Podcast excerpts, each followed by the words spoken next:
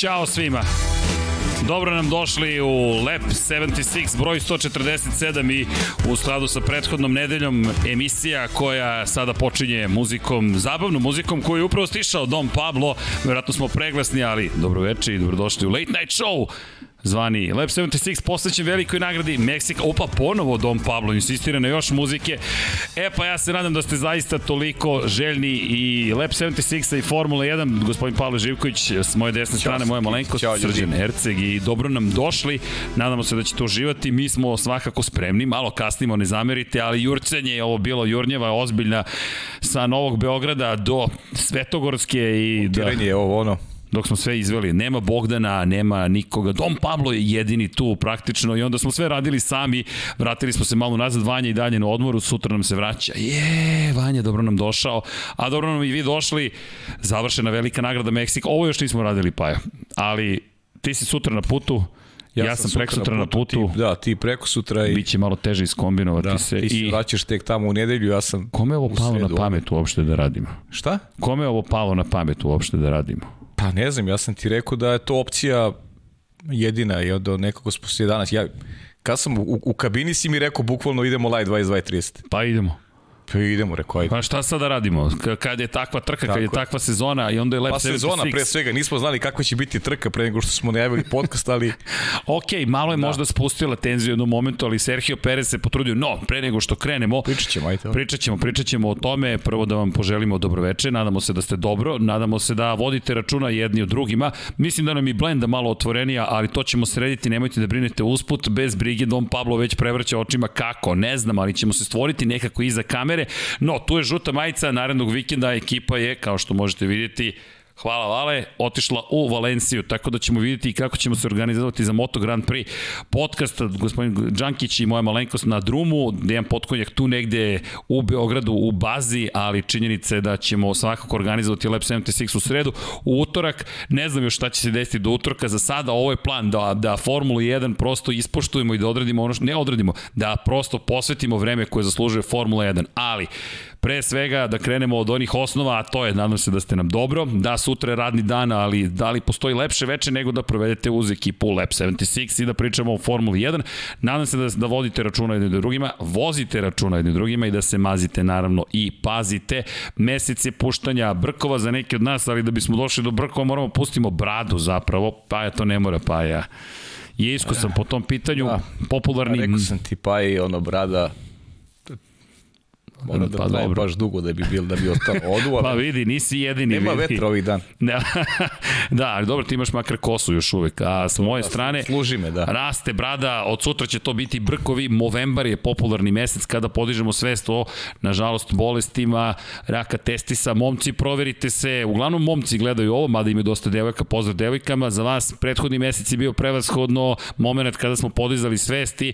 Roze Boja je bila u studiju, pričali smo o pre svega tome da proverite se kada je reč o borbi protiv raka dojke. Ovoga meseca se borimo protiv raka testica. Generalno svakoga dana treba da vodimo računa jedni o drugima i naravno da budemo bolji i da bude lepša planeta. 917 i 1077, ko može u Srbiji neka pošalje poruku na 3030. Hvala za tu vrstu pomoći. S druge strane, ukoliko ste u Švajcarskoj, Human 455 je telefon i poruke su isto, to Human, prostite, 917, Human 1077 i prelazak Dom Pablo, pređu smo mi na neki kadar e, zbunjujući, ne znam šta se desilo ovde, kod nas na televizoru se nešto značajno promenilo. Možda ste Miša pomerili u donji desni ugao, samo pomerite Miša i onda ćemo mi moći da vidimo možda neke stvari, ali ne.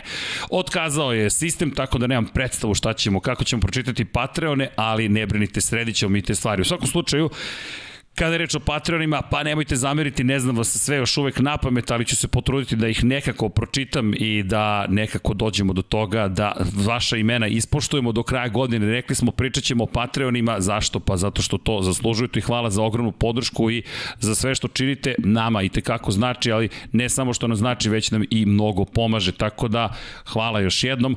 Kada je reč o majicama, hvala Dom Pablo, šta god da ste uradili, uradili ste kako treba, tako da nemam pojma o čem šta se desilo, ali ali kada je reč o još nekim stvarima, ljudi, ko voli MotoGP, tu je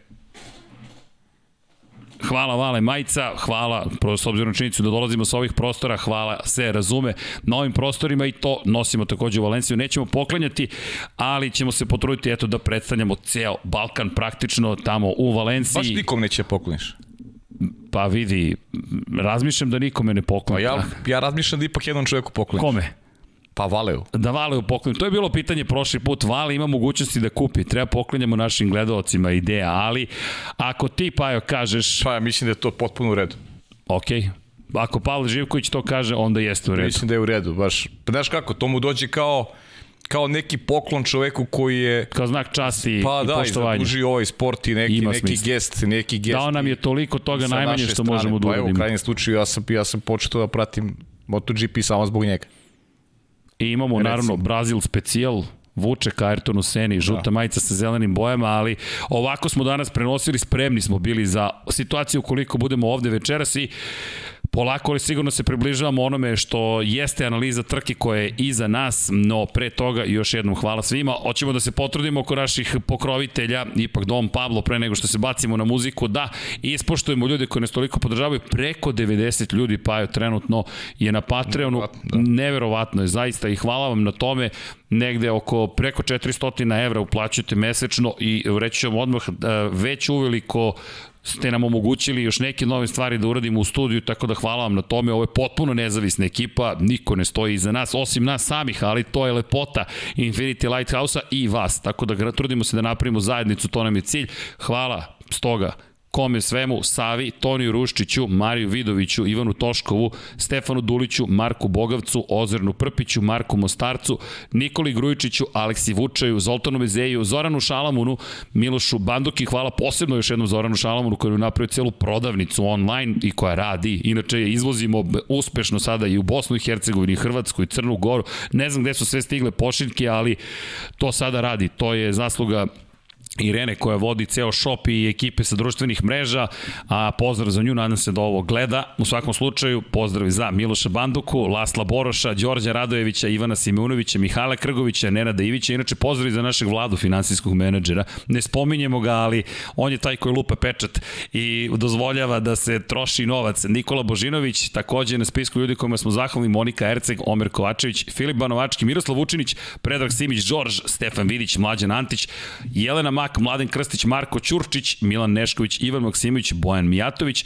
Petar Relić, Stefan Prijović, Nenad Simić, 19 tajnih pokrovitelja, pa onda Luka Savović, Andrej Božo, Boris Gvozden, Boris Golubar, Zorana Vidić, Luka Manitašević, Ljubo Đurović, Borko Božunović, Đorđe Andrić, Aleksandar Gošić, Mirjana Živković, Nemanja Miloradović, Miloš Vuletić, Daniel Kolobarić, Vukašin Vučenović, Ognjen Marinković, Miroslav Cvetić, Marina Mihajlović, Jelena Jeremić, Antonio Novak, Stefan Milošić, Nikola Stojanović, Jasenko Samarđić, Mihovil Stamičar, Stefan Nedeljković, Zoran Majdov, Josip Kovačić, Lazar Pević, Benjamin A, Nemanja Jeremić, da žena ne sazna, Boris Kujundžić, Tijena Vidanović, Stefan Ličin, Aleksandar Antonović, Dejan Vujović i, pazi sad ovo, imamo i čak treći ekran, Nemanja Zagorac, Đole Bronkos, Bronkos i večeras, opa, Bronkos i žestoki bili, zabeležili pobedu protiv Dallas Cowboysa, čestitamo, Aleksa Jelić je tu, Aca Vizla i Vuk Korać. Inače, za sve koji prate 99 yardi, Don Pablo, Don Pablo, Don Pablito. Pa znaš šta sam im uradio večeras? Ao, ao, pitali su me zašto srđane si birao ove timove.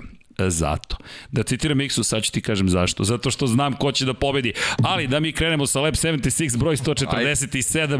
i Don Pablo ajde. to ime Q Music. To, to Opa! Ime tan, tan, tan, tum, tu, tu, tu, tu, tu. Bogdan je izabrao muziku zajedno sa Dom Pablom. Vrlo smo zadovoljni DJ izborom. DJ Pablo. DJ, pa vidio si DJ Kaigo je u Mexico City, u Belgrade City, u DJ Pablo. Pablo. Tako je. Idemo. Meksikanosi. Meksikanosi, boga mi bilo je zabavno kakva atmosfera, kakav spektakl u Mexico City-u i Da krenemo odatle. Velika pobjeda Maxa Verstappena, treća pozicija, istorijska Serhije Perez za prvi Meksikanac na pobedničkom postavljanju domaćem tu prvi Meksikanac koji vodi u trci, Lewis Hamilton pozicija broj 2, trka koja nije donala mnogo preticanja ili uzbuđenja iz te perspektive bitke za prvo mesto, pa jo, realno start je rešio sve, ali da krenemo bukvalno to od početka. Max Verstappen sa trećeg mesta, ispred njega Lewis Hamilton i Valtteri Bottas četvrta pozicija za Serhije Pereza. Da, ajde ja ću da krenem od kraja. Može? Ovaj, baš me neko onaj obuzeo neki e, osjećaj da, da e, da mi je žao prosto bilo što poredak nije drugačiji. Eto, to je ono što, što želimo od ove sezone da, da budu uzbudljivo do kraja i zaista bih neko više volao da je, da je Lewis Hamilton pobedio, a Max bio drugi. Neko, imam utisak da bi, e, da bi sezona u tom, u tom pogledu bila kudi kamo interesantnija četiri trke pre kraja. Ovako, ono što sam pričao u prošlom podcastu, čini mi se da je Max napravio zaista ozbiljan korak ka osvajanju šampionske titule i ono što impresionira to je ta mirnoća, neki stav koji je Max Verstappen pričali smo ti ja posle trke, nešćam se da je napravio jednu grešku ove sezone zaista i i taj broj krugova u kojima je vodio od početka kudi kamo veći odnosno na Luisa Hamiltona mogla je bodovna razlika čak da bude i veća a, onome što smo gledali ove sezone a ovaj neki, neki siže rekao bih šampionata treća pozicija, fantastičan start. Priča, analizirat ćemo da li je Valtteri Bottas mogao više, da li je Mercedes kao tim mogao da strateški učini nešto više kako bi imao možda Luisa Hamiltona baš na prvoj poziciji, da negde Bottas se fokusira na blokiranje e, Maxa Verstappena, timski rad je neophodan u situaciji kad imate prvi startni red, ali Max je sve te probleme koji su se javili u kvalifikacijama rešio najbolji mogući način ono kasno kočenje prilikom ulaska u prvu krivinu kao da je obeležilo celu trku, jer nakon toga pa Luis nije imao nikakvu šansu. Max je povećavao razliku, kontrolisao trku, čak je na, na, starim, na starim tvrdim gumama postavio i najbrži krug trke, eto to mu je na kraju ukrao Valtteri Bottas, ali ajde, doćemo i do Bottasa, mislim da zaslužuju momci iz Red Bulla da ih ovako apostrofiramo s početka, pogotovo Max, deveta pobeda ove sezone Maxa Verstappen rekao si nešto što je meni fascinantno, to je njegova mirnoća. Pa stav, Dečko, stav je nevjerovatan. I da li ti djeluje da se jednog trenutka uzbudio na neki pogrešan način, da je rekao mene nosi ova situacija ili pa ne, on, imam tremu, on ništa. Kaže, on kaže na trenzima, kvalifikacijama, tako izleti nešto iz njega. Bio je ljut juče na Cunodu, ali toliko brzo vrati fokus i zaista ništa ne utiče negativno od njega, nego traži pozitivu. Jednostavno imam utisak da, da se jako dobro spremio za, za, za taj okršaj u, u svakom pogledu sa, sa Lewisom Hamiltonom i mislim da su iskustva Nika Rosberga uh, dosta pomogla. Pritom ne želim možete poredim dvojicu vozača, mislim da je Max Verstappen kudi kamo talentovaniji od Nika Rosberga, ali, ali činjenica da, da je kad si, kad si mlad čovek, kad te obuzmu emocije, da znaš nekada da, a, onako neko realno potisneš, da, da, da, da ti nije onako na, na, na, dohvatu a, mozga, što se kaže, da, da pokušavaš da uradiš nešto što i nije trenutno u tvojoj moći, a Max deluje staloženo, Max stalno radi ono što treba i impresivno, impresivno, ovo je imamo stalno te, te klasike i evo, pričamo o tim maturskim radovima, diplomskim radovima. Ovo je doktorski Maxa. rad. Ovo, ovo je doktorski rad, bukvalno ovo danas zaista nevjerovatno. Kada već pričamo o eto, doktoru Valentinu Rosiju, da napravimo tu paralelu, fantastična trka za Maxa Verstappena. Vratio bih se na početak pa ćemo ponovo na kraj, ajde, ali ajde. taj ključni moment, samo kao detalj, ne bih, ne bih išao hronološki, jer trka zaslužuje mnogo više od toga, prosto trka je bila s jedne strane odlična iz perspektive strategije i toga koliko su zakomplikovali situaciju ostali timovi i koliko je važno zapravo ove godine što je ušao u formu Sergio Perez. Valtteri Bottas da je ostao u igri, to je ono čemu smo pričali, zato se vraća na početak trke, ko zna kako bi se ovo završilo. Mi imamo situaciju u kojoj na pol poziciji Valtteri Bottas iznenađujuće, to su rekli u Mercedesu. S druge strane, imamo situaciju u kojoj je Lewis Hamilton na poziciji 2, na poziciji 3, dakle na čistoj strani staze, neparni brojevi su na čistoj strani staze i na poziciji 4 Sergio Perez. Vraćamo se i neko, mislim da je Svetomirski napravio poređenje sa 2018. godinom i Ferrarijem, trkom koji mi često spominjemo. Zašto? U tom momentu Kimi Raikkonen, pol pozicija u Monci u Ferrariju, drugo mesto za Sebastiana Fetela u Ferrariju, pobedili su Mercedese, njihovo je da odrede dalji praktično tok trke. Ne dogovaraju se, već kažu momci trkajte se. Nije bilo koja sezona, to je prvi put da Ferrari zaista ima šansu da osvoji titulu protiv Mercedesa u hibridnoj eri i umesto da kažu ok, sve podređujemo cilju, a te godine su uslovno rečeno oduzeli pobedu Kimi Raikkonenu u Monaku, sklonili su ga, to jest išli su na promenu koja je bila lošija, nepovoljnija i zabeležio triumf Sebastian Vettel. U Mađarskoj su tražili podršku, u tom momentu oni puštaju da se trkaju, Vettel dolazi do incidenta u krivini broj 3 i 4 u krivinama, 3 i 4 i sve pada u vodu, Mercedes dvostruka pobjeda, kasnije Valtteri Bottas usporio dovoljno Kimi da ga sustigne, Hamilton pretekao. Sada potpuno obrnuta situacija. Ti imaš Bottasa, imaš Hamiltona. Hamilton sjajno kreće. Bottas kao da kreće desno, da li da blokira ili da ponudi zavetrinu, ne znam, ali taj njihov potez otvara prostor sa spoljne strane Maxu Verstappenu koji koristi dovoljno zavetrine Valterija Bottasa i repriza Rusije. Praktično čovjek izbije ono što si lepo rekao. Kočenje Maxa Verstappena na ulazku u prvu krivinu na potpuno hladnim gumama briljantno, za titulu verovatno. Bukvalno. Pa da, pa, da, za titulu vratno. Ja zaista mislim da da je ovo ovo trka koja koja je onako kritična u u šampionatu meni je Lewis Hamilton bio favorit upravo iz ovih razloga, iskustva koji ima i e, dominacije Mercedesa koja traje jako je teško pobediti ekipu koja toliki dugi niz godina je, je vladar e, sveske, sveske scene, svesko poredko u Formuli 1, ali Red Bull kao ekipa, Max kao lider, prosto deluje kao savršen spoj i Znaš, ne znam kako bih e, okarakterisao e, tu ulogu Valterija Bottasa. Ja imam utisak da je došao jedan od onih dana Valterijevih, da prosto e, nije tu bilo neke, da kažem, ja neću, nego prosto ja ne mogu. Znaš, to, to je, meni je tako, meni je tako izgledalo. Ali si lepo primetio, ta neodlučnost. Neko je bilo logičnije da on se usmeri na to da blokira Verstappen. Maxa Verstappena. Da to je, to je logičnije da zatvori. Nije zatvorio vrat. Nije zatvorio vrata. Mislim da je inicijalno uh, start bio loš, da su bolje startovali Lewis Hamilton i, i Max Verstappen i kao posledica lošeg starta Mislim da da Valtteri Bottas izgubio. je izgubio, izgubio se, a izgubio i opciju. Da li te liči na Mađarsku? Kada je napravio a. opšti karambol, ali kao da se izgubio u tim situacijama. Nije po planu i šta sad? Tako je. Bukvalno delo, tako izgledalo. Delo je tako. Kao, I je ulazak tako. u prvu krivinu je bio vrlo rezervisan, kriv za potom incident koji se desio između zapravo McLarena, to je Daniela Ricarda i Valterija Bottasa, jeste na strani Daniela Ricarda, ali sam Bottas je nekako vrlo povučeno ušao u tu prvu krivinu, kao da je situacija šta sada? Napadam Luisa, ne napadam Luisa, Verstappen je već prošao, šta se događa i agresivni, vrlo nažalost nedovoljno precizni Daniel Ricardo koji utiče da. na svoju na trku Valtteri Bottas. A pritom Srk imamo i taj taj moment ko zna šta se odvija u njegovom mozgu, kakvi su to procesi vezano za činjenicu da odlazi iz Mercedesa, to smo pričali tokom godine. Koliko će se ta rana odluka Toto Wolfa da Valtteri Bottas više nije deo projekta, koliko će uticati na, na njegove vožnje.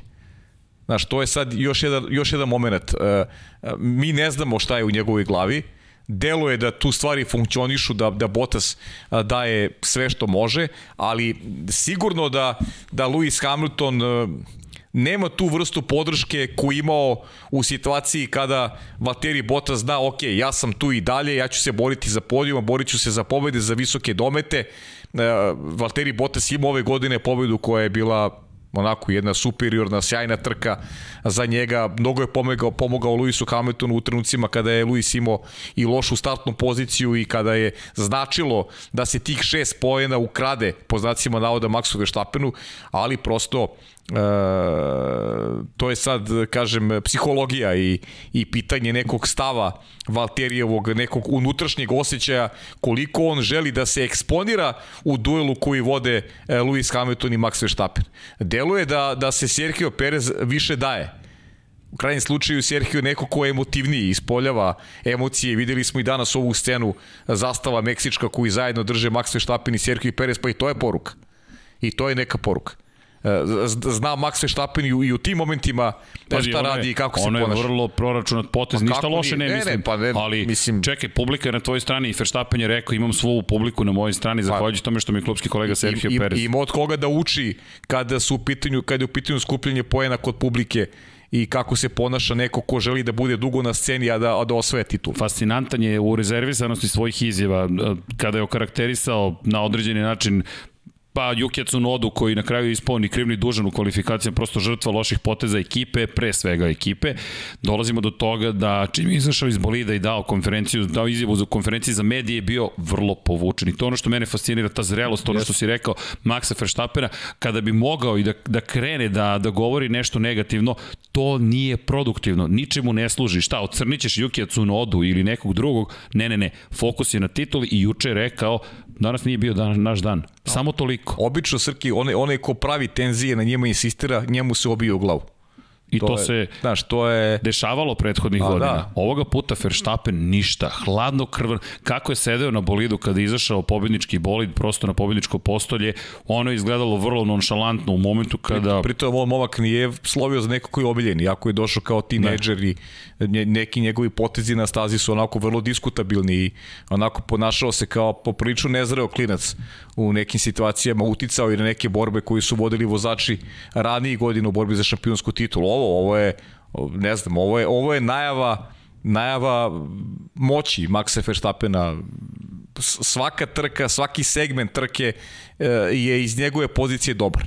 Tim ga je nekad koštao uh, i boljih rezultata, znao je boli da mu otkaže, ali kad je on sam u pitanju, u trci gde se bori za titulu, gde ima jednog od najvećih svih vremena, ako ne i najvećih, pored sebe, Ne, ne, ne, nema šta se dodati. Pazi, koliko je hladnokrv. Na prethodnoj trci bio je iza Hamiltona. Da, vršio je pritisak, nije bilo prilike da se pretekne, nema veze. Promene strategije, vođstvo, odbrana pozicije. Tako. Sada na startu pretiče. Voleo bih iskreno da, da drugačije vidim... dve trke. Da, drugačije dve trke, isti epilog. I eno, Lav je tu, ne znamo dakle nam je stigao Lav, je to Andrej?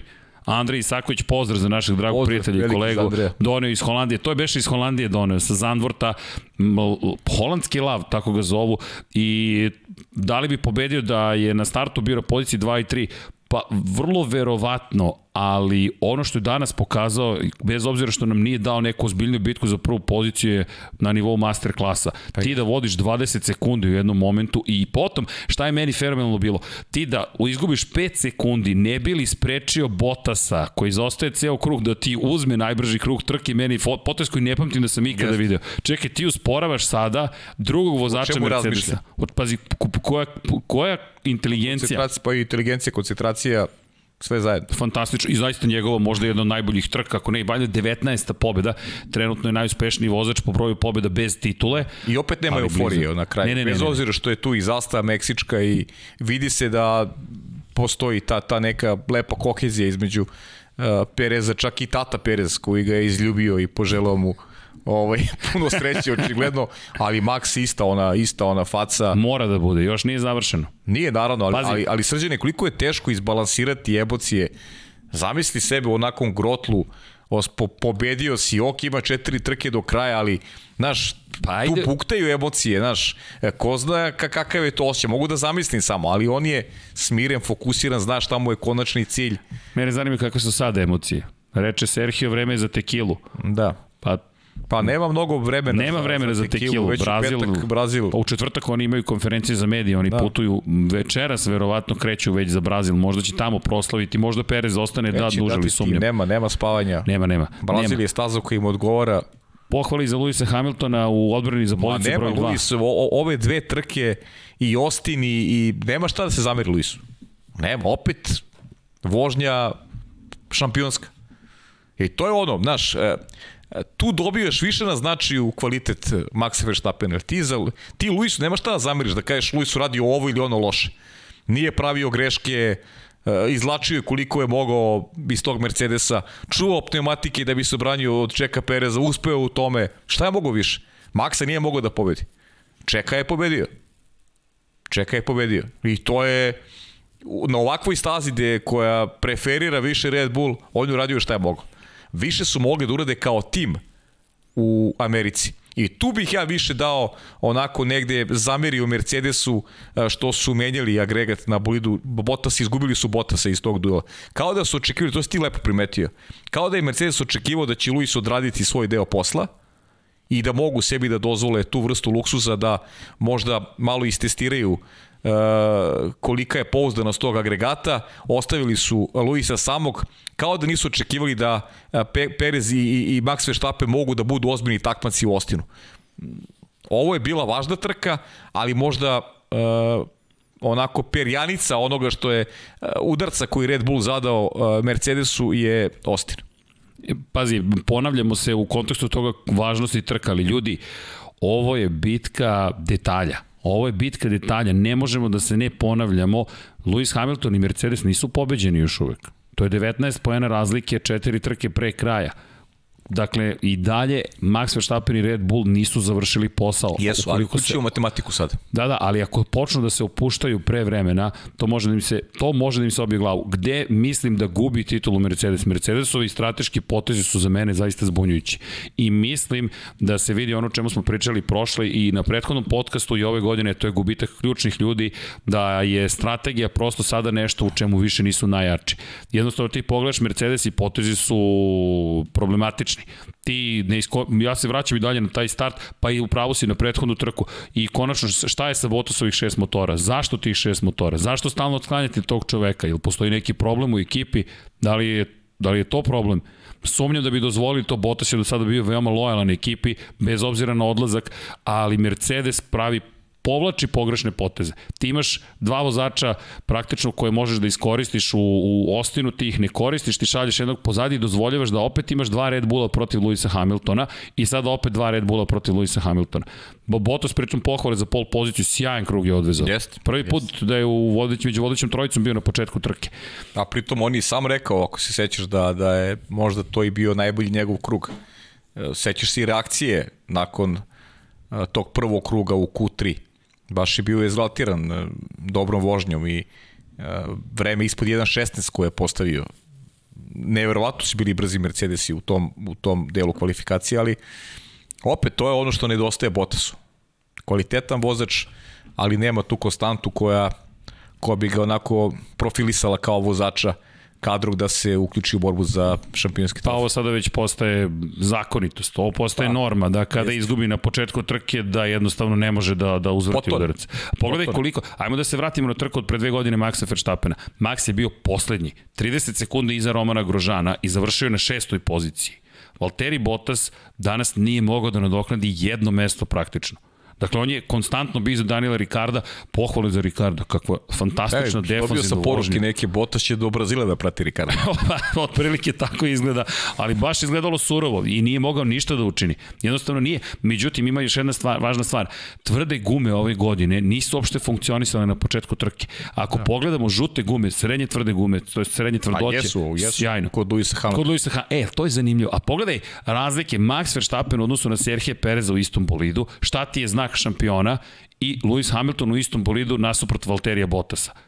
Prešao je na tvrde gume Lewis Hamilton i odmah najbrži krug trke. Jeste. A Valtteri Bottas ne može ništa da učini praktično. Ništa. Jedino što se muči, to je bilo zanimljivo, iz Landa Norrisa Lewis Hamilton za ceo krug zaostaje i ne može ništa da uradi problemi za Mercedes na, na nadmorskoj visini. 2200 metara nadmorske visine, o tome smo pričali. Ponovo, iako su rekli optimizovali smo motor, znali smo da će ovo biti problematična trka. Zašto smo govorili da je prethodna važna? Zato što je ona bila Mercedesova i nisu je pretvorili u pobedu. Ovo je bila Red Bullova i Red Bull je pretvorio u pobedu. A vraćam se na Pjera Gaslija 2019. i onaj uspon u poslednjem krugu protiv Luisa Hamiltona u Toru Rosu. U Toru Rosu Honda se drži uz Mercedes. Tako da idu na mesto na kojem su vrlo ranjivi. Iskreno, već sada mislim da će izdominirati Max Verstappen. Ej, čekaj, a prognoza? Je, bravo. A, prognoza. Hvala ti, ti si me podsjetio, ja, ja sam to zaboravio. Pa da, ja sam te podsjetio. Ovaj, da ti ka, iskreno, iskreno, stvarno si prognoza neka koja je apsolutno bila realna. To je, to je realno stanje stvari. Jeste, jeste realno stanje stvari. Čak na ovoj stazi Čeku imao šanse da, da ide pobedi Luisa Hamiltona. Tako da je Luis izvukao maksimum i kapa dole stvarno Luisu za, za, za vožnje. Šta misliš, da su otišli odmah na promenu guma? Krug posle Luisa Hamiltona u Red Bullu. Da li bi Perez mogao da ugrozi Hamiltona više nego što ga je ovako Never. ugrozio? Never. Ovdje imamo prednost u gumama. A ovako ne bi imao nikakvu drugu prednost. Ali izgubio je malo bio Hamilton u tom prvom krugu. Pa da, ali ne, bi, ne bi opet imao nikakvu drugu prednost. Imali bi onako, bili bi na gumama podjednako starima, ipak je Lewis Hamilton, Lewis Hamilton i Pa i on je rekao, pritisak, pa bio sam previše puta u ovakvim situacijama, o, ovo tako, za mene nije pritisak. O, ovo su samo gume uradile stvar. Svaka čas Čeko je vozio sjajno, ali imao je prednost u gumama i nije iskoristio. Luis je Luis. Ipak imamo o, dva velika vozača u toj bici za trofej, drugi teško mogu da im naude. Realno. Da, i još jedna stvar, ima ovde, ima dosta pitanja, znači pozdrav svima, ljudi, udrite like, to sam zaboravio da kažem, udrite like i udrite subscribe, zašto? Pa, zato što je to pozitivno, evo nas u nedelju uveče, termin koji smo, eto, izmislili, pa je izmislio, rekao je, ajmo Srki, nema nas u ponedeljak, nema nas pa u da, utorak, da, pa da. da. ispoštujemo, nadam se da ste zadovoljni, u utorak nemam pojma da li ćemo nešto izvesti ili ne, sumnjam, prosto, mi ćemo biti u kombiju, inače, kombijem ide ekipa za Valenciju, neki članovi imaju strah od letenja, ali ne može da se dozvoli da deo ekipe ne bude na poslu trci Valentina ja Rosija. Ja sigurno utorak ne mogu, ja sam tada u prenosu sam recimo u to vreme. Pa taman uključenje. Da. Tam, ja, uključenje. Ljudi, u ovom momentu se odlučuje titula u Naskaru. Samo da to ne zaboravimo, čekajte. Jest. Da vidimo šta se tamo događa. E, nekom je poručio Jer već... Jer smo pričali ti ja u taksiju o tome i... Jesmo. pa dobro, mislim, okej. Okay. Bavit ćemo se i naskoro. Bavit ćemo se i naskoro. Nećemo pobeći od Formula 1, ali udrite like, prosto lepo je. E, u svakom slučaju, trka koja meni je bila uzbudljiva, pogotovo na kraju, i bilo mi je zanimljivo da se vratim na to. Gledamo, inače da odgovorim na pitanje, Aston Martin zašto je bolje funkcionisao u odnosu na Mercedes kada poredimo relativnu brzinu. Nije, kada je reč o visokoj nadmorskoj visini, nije samo pitanje agregata. Agregat je mm, element koji najviše trpi možda. Međutim, uzmite obzir aerodinamiku za one one koji eventualno su propustili ono što smo pričali kratko, dakle, visoka nadmorska visina, manja gustina vazduha, manji procenat kiselnika u vazduhu i iz te perspektive turbo i kompresor moraju više da rade. E sad, tehnologija u Hondi je razvijena na osnovu pre svega njihovih mlaznih motora, nije to mlazni motor, to više liči na dizelu u poslednje vreme Formula 1, s obzirom na činjenicu došlo došli do stadijuma kompresije i temperatura koje se razvijaju u cilindru da mogu bez svećica gotovo da, da, da upale smešu. I dosta tehnologije preneto i zapravo iz kamionske industrije u modernu Formulu 1, ali Iz te perspektive trpi Mercedes, međutim gdje još trpi? Trpi kada je reč o aerodinamici. Manja gustina vazduha prosto utiče na otpor vazduha i mi kada govorimo prosto o aero, efikasnosti aerodinamike, kada imate manju gustinu, Red Bull deluje da njegov princip prosto do, donosi veću efikasnost. Mercedes ima veću površinu, taj duže međuosovinsko rastajanje daje veću površinu ispod bolida, tako da oni tu kompenzuju za taj niski rejk takozvani, to je niski zadnji kraj bolida. Red Bull, međutim, bolje izgleda. Inače, ako se ne veram, pa ispravi me, Adrian Newey, tehnički direktor ekipe, je pokupio trofej večeras, ako sam jest, dobro. Jest, Ljudi, to je velik znak. Kada da. Adrian Newey izlazi, to znači da je trka bila veoma značajna za ekipu veliki šefovi izlaze na početku sezone i kada se desila značajna trka i Max je tako slavio kao da su osvojili titulu. Tako da su to znaci neki, ne čak ni pored puta direktno ispred nas, ali ta aerodinamika je takođe važna i još jedna stvar, kočeni sistemi. Znak ti Lewis Hamilton. Jeste. Lewis Hamilton koji, koji je jedva izašao iz bolida i delovo je kao da je završio trku na posljednjem mestu, kao da je odustao. Ne voli da gubi. Vozi, pa naravno, koji šampion voli da gubi, a pritom uradio sve. I svestan da uradio sve, ali nije mogao ništa. I još jedna stvar, zaboravili smo, u subotu Lewis Hamilton ponovo nije osvojio pol poziciju. To je najuspešniji vozač po pol pozicije u, svojoj, u istoriji sporta. Preko 100 pol pozicija. Ovo je period u kojemu u 14 trka on ima e, jednu pol poziciju. To je, to je moment. Pazi to. Ajde vidiš ti kako se, kako se stvari u sportu, u životu, kako se nameštaju. Valtteri Bottas koji odredi fantastične kvalifikacije, bude bolji. E, zato ta, ta paralela sa Italijom nije loša. Upravo taj moment. Kimi Raikkonen koji pobeđuje u bici za pol. Da li se sećaš kako je Sebastian Vettel reagovao u Monci kada, iz, kada je završio na drugom mestu? On je bio, i se sećaš toga? Sećam se. Besan kao ris. Kako ne bi bio? Kao da je osetio da, da, da, je, da, to, je, to. da je to to. Da je to to. Da je to to. I tu onda je ekipa ne odrađuje posao kako treba, Ferrari. I nema ih, posle toga nestaju ne pravim paralelu sa nestajanjem. Mercedes će biti prisutan do kraja i, i sigurno će imati utice i tako i tekako. Nije ovo rešeno prvenstvo. 19 poena nije to rešeno prvenstvo. Ali da Max ima veliku prednost, ima u svakom pogledu. I sada je pitanje kako je raspoloženje generalno unutar tima. To je unutar Mercedes. Da, inače, izvini Pajo, ali evo u hiljadarkama smo pozdrav Ajde. svima. Hiljadu dinara je donirala upravo Nataša Petrović, tako da pozdrav, ništa ne pita, samo je donirala. Hvala, hvala ljudi. Nataša, hvala Preko puno. hiljadu ljudi trenutno gleda i to je to su glavnom komentari hvala, ne, ne znam ni šta bih rekao, ali pozdrav svim hiljadu i koliko ljudi već ima, tako da hvala vam, ovo je nama ljubav, ovo je nama sport, prosto mi ovo obožavamo, taksista kojim, pošto je tu restoran u, u pozadini i kažemo idemo, na, idemo u kafanu, kaže lepo, lepo momci, ali naša kafana je studio na kraju idemo iznad, idemo iznad kafane. idemo u biblioteku, ali dobro, idemo iznad kafane. Da, i evo, 25 kuna, donacija i pitanje, pozdrav skipa, jeste li videli presimpatičnu fotku malog od Pereza kako gleda tatu na podijumu, po meni fotka vikenda Apti. Pozdrav za Aptija, Jest. pa prelepo je bilo i kako ga je sklonio s jedne strane, pa ga pa vratio. Da, i na onoj, provizornoj konferenciji štampa takođe. Ali kakva atmosfera, Paole, kakva atmosfera. Pa, I hvala vama za ovu divnu atmosferu. Mi se samo silno zabavljamo i možemo da, da pričamo o Formuli 1. Koliko je bilo ono? 374.000? 372, ali nevažno, dve, dve gore dole. Evo, ja mi imamo 1000. pa to je ovih. to je ovih 1000, tako je. Ali, pa evo, u tom trenutku, pazi ti dva vikenda, ono što si ti lepo rekao, 400.000 ljudi u Americi, i sada 372.000 ljudi u Mexico City i postaje se pitanje da li će ostati u kalendaru Mexico City. A ako ne ostane Mexico City, šta će ostati? Ali, A Brazil? Ali znaš i sam zbog čega je to tako. Jer imamo sezonu. Sezonu i konkurenciju veliku za, za šampionsku titulu, napredak ovih srednjih ekipa, napredak Ferrarija, napredak McLarena, imamo jednu fantastičnu godinu. Pobeda Okona, zaista Ma imaćemo toliko stvari za analizu, ajde da... Čekaj, a Nis, Daniel Ricardo u Monci, da pričamo imamo još da pričamo. Znaš koga treba, moramo da pohvalimo, možemo još, još mnogo da pričamo i vratit ćemo se na, na glavnu priču, ali ljudi, nevidljivi čovek, zvani Pierre Gasly, e, kadar 1,5 je dobio otprilike na početku, kada je otišao na zamenu da. guma i na kraju režija se setila, čeka, imamo Gasly na poziciji 4, Toro Rosso osvaja, Toro Rosso, Alfa Tauri, izvinjavam A, dobro, se, okay, ali to, to, je to, to, je to, 12 poena Pogrešio. i nadoknađuje 10 bodova u odnosu na Alpinu, peta pozicija nije zagarantovana Alpini, I, otvoreno i on, sve. I ono što smo pričali o Maxu, recimo, pre dva vikenda u Ostinu, Pierre Gasly je ponovio u ovoj trci bio si svestan, gledali smo koliko se Sainz približava Gasliju i ja sam pomislio da, da možda ima šanse da ugrozi to četvrto, tu četvrtu poziciju. Ferrari je zamenio pozicije vozačima upravo zbog toga što je Sainz imao bolji tempo i, i kasnije, u kasnijoj fazi menio pneumatike, međutim Gasly je kao i Max sačuvao najbolje za kraj sačuvao pneumatike, najbolje krugove vrte u, u, pred kraj trke i zaista jedna onako fantastična trka koja Alfa Tauriju sada otvara nove mogućnosti u toj borbi za, za petu poziciju konkurencije konstruktora. Vidi, čak, čak bih rekao da ih zbog Gaslija i favorizuje u toj borbi za petog mesta.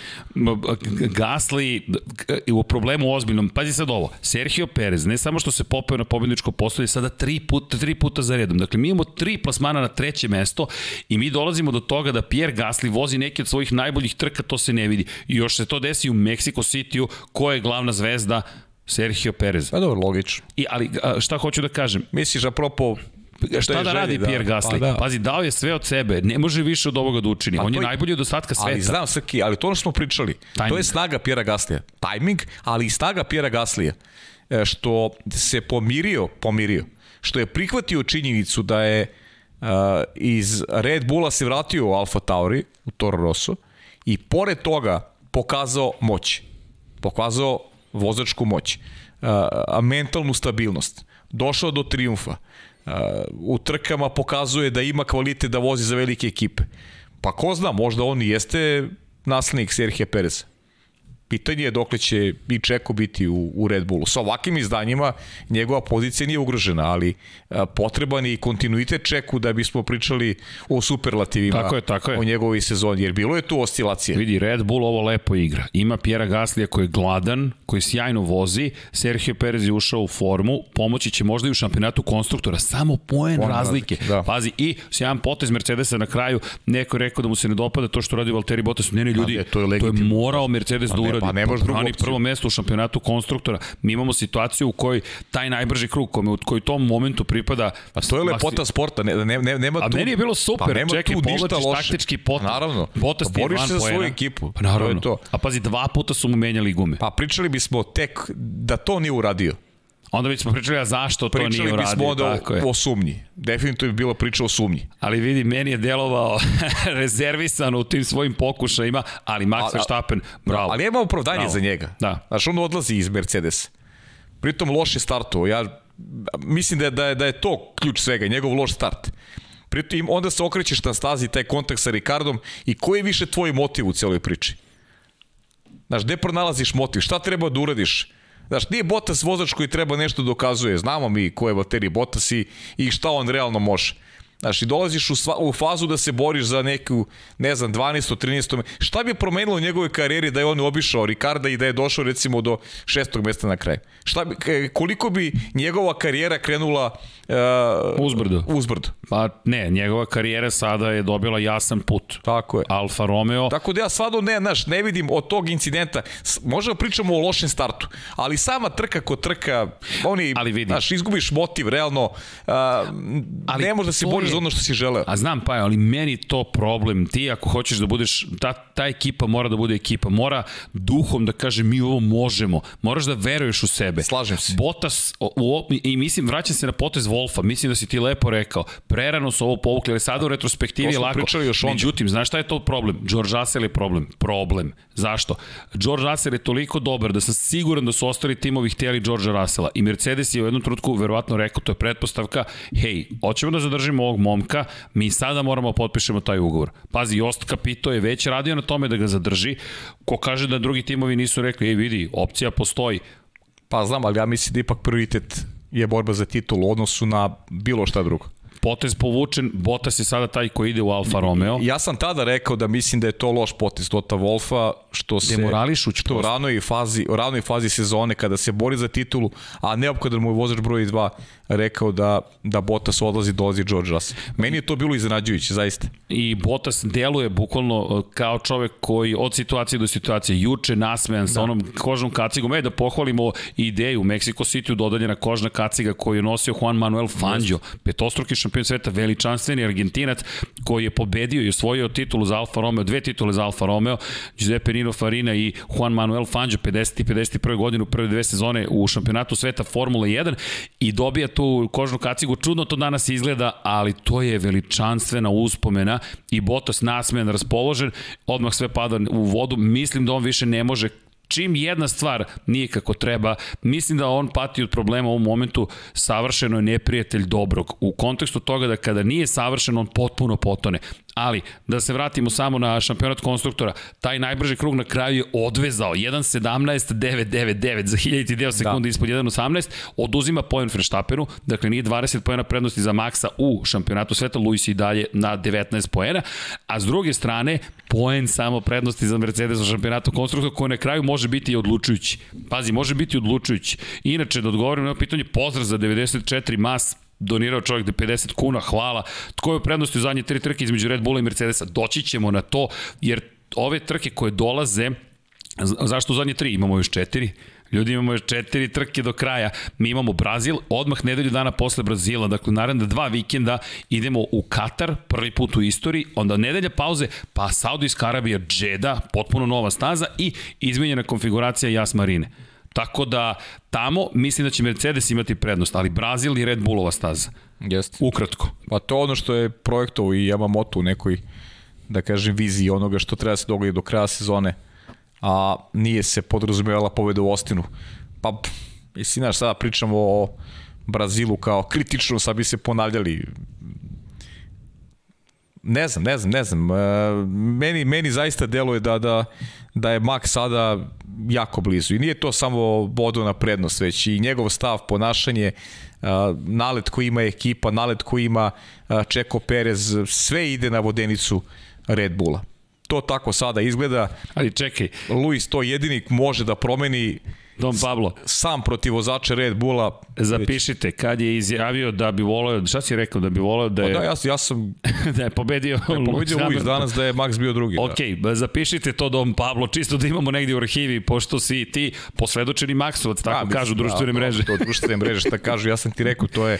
Znaš, Mi smo svako... u društvenoj mreži. A ne, okay, sve to u redu, znaš, nego, nego ljudi gledaju to malo onako kako... kako lični je, to je sve pa. Okay. Mnogo liči. I meni je, ja to razumem zato što je takva sezona, znam kako kako se ja gledao lično. Dok, takav. dok se Sena borio za titulu, sve sam gledao lično i, i mrzeo sam rivale Artuna Sene, ne samo što sam voleo Senu, nego to vajda išlo u paket. Nema Slušaj, pojma. pada ovde i neka uslovno kletva, Paja prenosi sam u Brazilu i pada kiša polako, jeste. Da. to Interlagos između dva jezera, ali ček da vidimo odmah Interlagos, šta kaže za Interlagos, na, da li ćemo imati Interlagos Sao Paulo narednog vikenda, kiša tek od ponedeljka, tako da smo bezbedni. Ali, ali, ali, moram nešto da vam kažem, pozdrav za Čupovci i tehničku ekipu sport kluba, pokušat ćemo... Možda mi se preključiš to, a? Tako je, pokušat ćemo da, pošto imamo opremu, pazi sad ovo, imamo opremu u kabini u Moto Grand Prix-u i imamo adekvatne linije, da pokušamo da se povežemo tako da komentarišemo iz Beograda i Valencije zajedno. To smo radili dok sam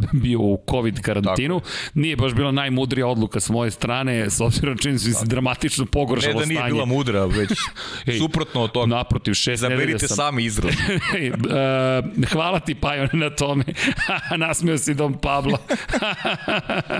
e, iz, izrazito bistra jedna odluka, jedan potez vredan, Ali vredan dobro, poštovanja. opet s druge strane, to je pokazatelj emocija i... Pa koliko mi ovo volimo, pa je. Pa da. Čekaj, ovo je ne, jednostavno ljubav, ali trudit ćemo se da, da budemo zajedno, prosto takva je sezona, po, pro, pomerit ćemo svet, samo da, da odradimo I, sve. imaš moj amin.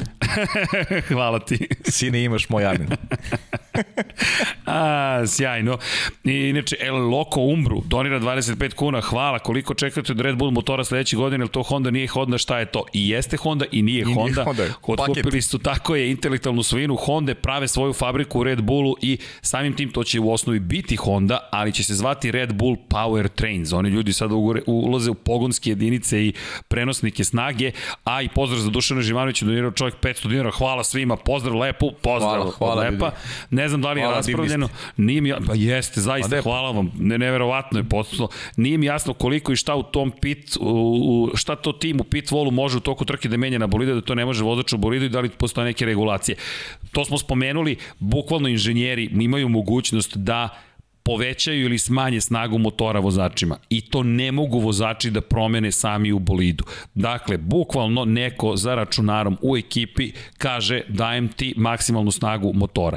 Zašto to rade? Pa, zvanično da bi sačuvali motore. Imate tri motora sa unutrašnjim sagorevanjem od šest elemenata na raspolaganju tokom cele sezone, želite da ga sačuvate. Čuvate bateriju, čuvate MGUH, MGUK, čuvate kontrolnu elektronsku jedinicu i imate izduvne sisteme, ali to manje je bitno u ovoj situaciji i samim tim m, inženjeri mogu da daju veću ili manju snagu i zato je se i dobio onu poruku Perez na kraju potroši bateriju, potroši bateriju. Zašto? Nema potrebe. Inače, 4 megađula može da se pošalje iz baterije na MGUK, dakle na motor generator jedinicu koja se nalazi na zadnjim točkovima, to je povezane sistemom zupčanika sa zadnjim točkovima, ali, ali MGUH direktno može da šalje energiju koju generiše u MGUK, tako da to su trikovi koje koriste i ima još jedan tu moment, dakle to pražnjenje baterije, nije, nećete uvek poslati svih 4 megađula u svakom krugu, prosto pokušavate da očuvate i gume i bateriju za kraj i naravno da izdrži još nekoliko trka. Tako da bilo je fascinantno slušati i šta još mogu da urade na pit volu, pa to je najveća zapravo stvar, a kada uđu u garaže mogu da im promene fizički podešavanje ugla krila prednjeg pre svega, ali to je neka druga priča, eto tako da odgovorimo. U svakom slučaju, bilo je još mnogo zanimljivih bitaka, Pierre Gasly, Ave, Gasly, fenomenalan četvrta pozicija i One man show, kao i Max. baš je one man show. A da, on je bio bolji od ostalih. Ali pazi, Pošto bolje do starta bilo. on je pobedio Pa Ferrari da, ali, ali je pobedio lagano. i McLaren, sve ih je ostavio Da, iza sebe. lagano, bez, bez... Pa to je negde potvrda da, eto, Hondi odgovara ova staza. I videlo se to i kroz rezultate u trenzima. Ne samo Gastije, već treba pohvaliti i Cunodu, koji je takođe bio dobar u, u treninzima, imao je tu zamenu agregata. Ko zna, možda bi Yuki Tsunoda a, ovaj, uticao takođe na, na trku Ferrarija i McLarena da je imao priliku da startuje sa tih viših pozicija. Tačnije, Da, da je startao sa viših pozicija, on je bio dobar u kvalifikacijama na mekim gumama, uticao eto na te krugove, uticao. Saznali smo kasnije, možete čujete tu radio komunikaciju koju imao Yuki Tsunoda sa timom gde e, je otkriveno delimično da ipak nije onako isključivi kriva za ono što se dogodilo e, Sergio Perezu i, i Maxu Verstappenu. I da se vratimo na kvalifikacije, Yuki Tsunoda, izvinjam se, grlo je stradalo, ali čutaću do četvrtka, ne do srede. Tada ćemo, Čutećeš, a? pa koliko je to moguće, Dobro, odmahuju ovde glavom, smeh je Nemoguće op, sve opštinito, tako je, ali trudit ću se očima, treptaću. Ali Yuki Tsunoda bio je proglašen za državnog neprijatelja broj 1, juče, međutim, u kvalifikacijama kada je to sišao sa staze, pružao je zavetrinu zapravo Pjeru Gasliju i on je pomogao Gasliju da dođe do pete startne pozicije. Još jedna bitna stvar u celoj priči, ekipa mu je poslala pogrešne poruke, samim tim nije znao da dolaze da, da bukvalno Red Bullovi vozači i ne samo Red Bullovim, i McLarenovim je hteo da se skloni. Tsunoda je na kraju bio žrtva jedne miskomunikacije i jednog vrlo agresivnog stava Kristijana Hornera i Helmuta Marka kao šefova Red Bulla. Šteta, ali na kraju se ispostavio da to baš nije istina. Dobio veliku podršku i Tsunoda zasluženo ovoga puta, odradio svoj deo posla i slažem se s jednim od vaših komentara, ne zaboravimo kada budeš kažnjen i imate pet vozača koji su kažnjeni, četiri za promenu motora, jedan za promenu menjača. Jeste. Inače, u pravilniku promene motora je rigoroznija kazna, tako da ko menja menjač i ukoliko ne učestvuje u kvalifikaciji ima prednost odnosno na koji su menjali motore. Oni su se borili za, za svoje pozicije. 17, 18, 19, tako, tako je. Između njih. Tako je. I inače ovde jedan komentar da je to trkanje inženjera onda, pa i komentar timski sport. Ljudi, da, inženjeri mnogo utiču i to ono što nam smeta u savremenoj jest. Formuli 1 previše sport, utiču, ali je timski. Uvijek, uvijek je bio timski Šampionat sport. konstruktora. To, to nije, nema, nema dilema. Kad smo kod toga, pozicija broj 3 za Ferrari. Pa da, je, dođe smo do, dođe smo do Ferrarija, da. Ferrari opet... Uh, Rekao si već, pazi, Maksimo, lep, da. pametna strategija. Pa I jest, lepo je jest. bilo videti Sainca da vraća poziciju Lecleru. Pazi, Dobro, ozbiljno poštovanje između njih dvojice. Jeste, postoji, postoji. Pa očigledno da, ja sam ti rekao, pre početka sezone, ja sam bio skeptik malo kad je Sainz u pitanju, ali on momak gde god da je vozio, pravio je dobro, mislim, dobra atmosfera između njega i timskog kolege i to je nešto što je jako bitno za, za potrebe tima, u ovom slučaju Ferrari. Pritom, dobro vozi cele godine, uh, iz mog ugla iznad očekivanja i ta komunikacija koja postoji je definitivno Ferrari gura, gura napred. Bilo je jasna procena, menio je gume u kasnijoj fazi, mogao je da u projekciji Ferrarija jedini tačnije on imao prednost odnosu na Leclerc i mogu da eventualno napadne Pjera Gaslija kada su videli da to nije slučaj vratili su poziciju Leclercu i, i to je to dakle jedna saradnja uh, verujem da Sebastian Vettel ako bude pogledao snimak, uh, pitaće se, pa dobro ljudi, zašto nismo ovako sarađivali dok sam ja vozio sa Kimi Orekonom kad se borio za šampionsku titulu. Ovde je ulog mnogo manji. Treće mesto u konkurenciji konstruktora, pa postoji onako jasna vizija tima šta treba raditi. Tako da- Hoćemo da... li pohvaliti Matiju Binota? Pa pohvalit ćemo Ferrari, ceo tim ćemo pohvaliti. Pazi, da, da. dosta sam ja kritikovao Binota, Pa ja sam isto. Zaista čestitam pa ja na ovome sada. Ja sam rekao, ne znam kako čovjek ostaje, kako opstaje u celoj priči, ali kada je nešto pozitivno, naravno da treba pohvaliti. Pohvale za celu ekipu. E da, još jedna bitna stvar, samo kratko o Red Bullu. Prvi put posle 2013. da su tri puta za redom imali dva vozača na pobedničkom postoju. Da, da. Johnny F1, pozdrav za Johnny-a. Da, hvala svima, hvala svima koji... Za podršku, apsolutno. Tako je, ovo je Timski pa, sport. Timski, timski, timski sport. sport. Tako. To je to. Lab 76 je timski sport i timski rad. U svakom slučaju... Naša prednost u odnosu na ostale ekipe što 11 godine već imamo tim koji radi zajedno. Ej, vidi, hashtagovi, YouTube sada, hashtag Lab76, Čak hashtag si desilo nemoguće, osvanuo sam ja na društvenim mrežama. I to, fazi, ne, ne, ne, ti si osvanuo, ne, ne, koliko ti sam si, se prilagodio timskim, ti si osvanuo na Redditu. I to globalno, man, ti si legenda, veruj mi, ali na pozitivan način, pa to je sve ja super. osvanuo na Redditu. Dobro, zato si ljudi plaše možda kiši, da, da ne ponovim nešto. Ne, ne, ne, ne, ja mislim da to sada, pazi, to je kultna stvar. Da. Pazi, majica te čeka, samo je pitanje kada ćemo stići da je proizvedemo. O tom potom, ajde. Šta radiš? Pevam. Evo, pevam. Pevam po kiši. Pevam po kiši, tako je, pevam po kiši. Fred Aster. Ništa burazir, evo, pevam po kiši. A? e, može majica. Fred Aster, a? a? Da, idemo mi dalje. Sjajna trka, peta, šesta pozicija na kraju za Ferrari i Ferrari na poziciji 3, 268,5 poena, tih pola poena iz, iz da. Belgije, 255 za McLaren, Pazi, 13,5 pojena prednosti za Ferrari, nema pobedničkih postavlja u poslednje tri trke, ali četvrti, osmi, četvrti, sedmi, peti, šesti i Ferrari neumoljiv, samo gura, samo gura, samo gura, McLaren s druge strane, da je Ricardo izbegao onaj incident, ajde da tako kažem, ko zna kako bi izgledale stvari. Međutim, Norris, iskreno, ja mislim da je Norris u krizi od velike nagrade Rusije, to je samo moje mišljenje. McLaren se nije proslavio nužno, ali u Rusiji je propustio šansu da zabeleži prvu pobedu u karijeri. Od onda, sedmi, osmi, deseti. Momak, izvinjam se, udarih telefon, koji je uspevao stalno da bude tu negde, među vodećih pet, sada to ne može da učini. 150 poena, sada je 15 poena iza Serhije Pereza, a samo 12 poena iza, ispred Charles Leclerca. Tu se situacija značajno menja. A opet je osvojio poen. Osvojio je poen, ali deluje mi neuverljivo. Ne kažem da je ovo sad neki trajni kaznu, problem. Imao je kaznu. Imao je, bilo je svega. Bilo je malo preticanja imam malo razume. Znaš kako? Uh, Ali pazi, na početku na incident je otvorio neka vrata. Jest, 22 trke u sezoni. E, Što bravo. Su, e, A ko je e, stalno e, emo, emotivni roller coaster, znaš, treba budeš stalno na, na nekom vrhuncu. Nije to lako, a pritom McLaren je napravio ogroman iskorak odnosno na ranije godine, zaista ogroman. Međutim, nisu baš na svim stazama konstantni i konkurentni, tako da Pritom Ferrari je napravio pomak ovde Pierre Gasly je evidentno bilo da će ga biti teško pratiti Red Bull u nekom svom fokusu, Mercedes naravno, to se, to se podrazumeva, tako da znaš, ne vidi mnogo prostora za neku zamerku Lando Norrisu. Baš ova recimo trka, ne znam, baš bih volao da znam koliko smo imali preticanja recimo na, na, na, ovoj, na ovoj trci. Pa verovatno su sva bila u prvom krugu. Pa da, baš malo. Bukvalno, verovatno je tad palo najviše preticanja. Da nema te bitke između Hamiltona A... i Verstappena, te strateške i te, te, te borbe koje vodi Mercedes i Red Bull. Ne, ne, ne, ne, čekaj, iako je u slabijem bolidu, što Kimi Raikkonen, što Fernando Alonso. Pa dobro, Preticanja okay. sa spoljne strane pa, dobro, u krivini broj 1. I sjajne, i sjajne startove Pazi, i Rasela.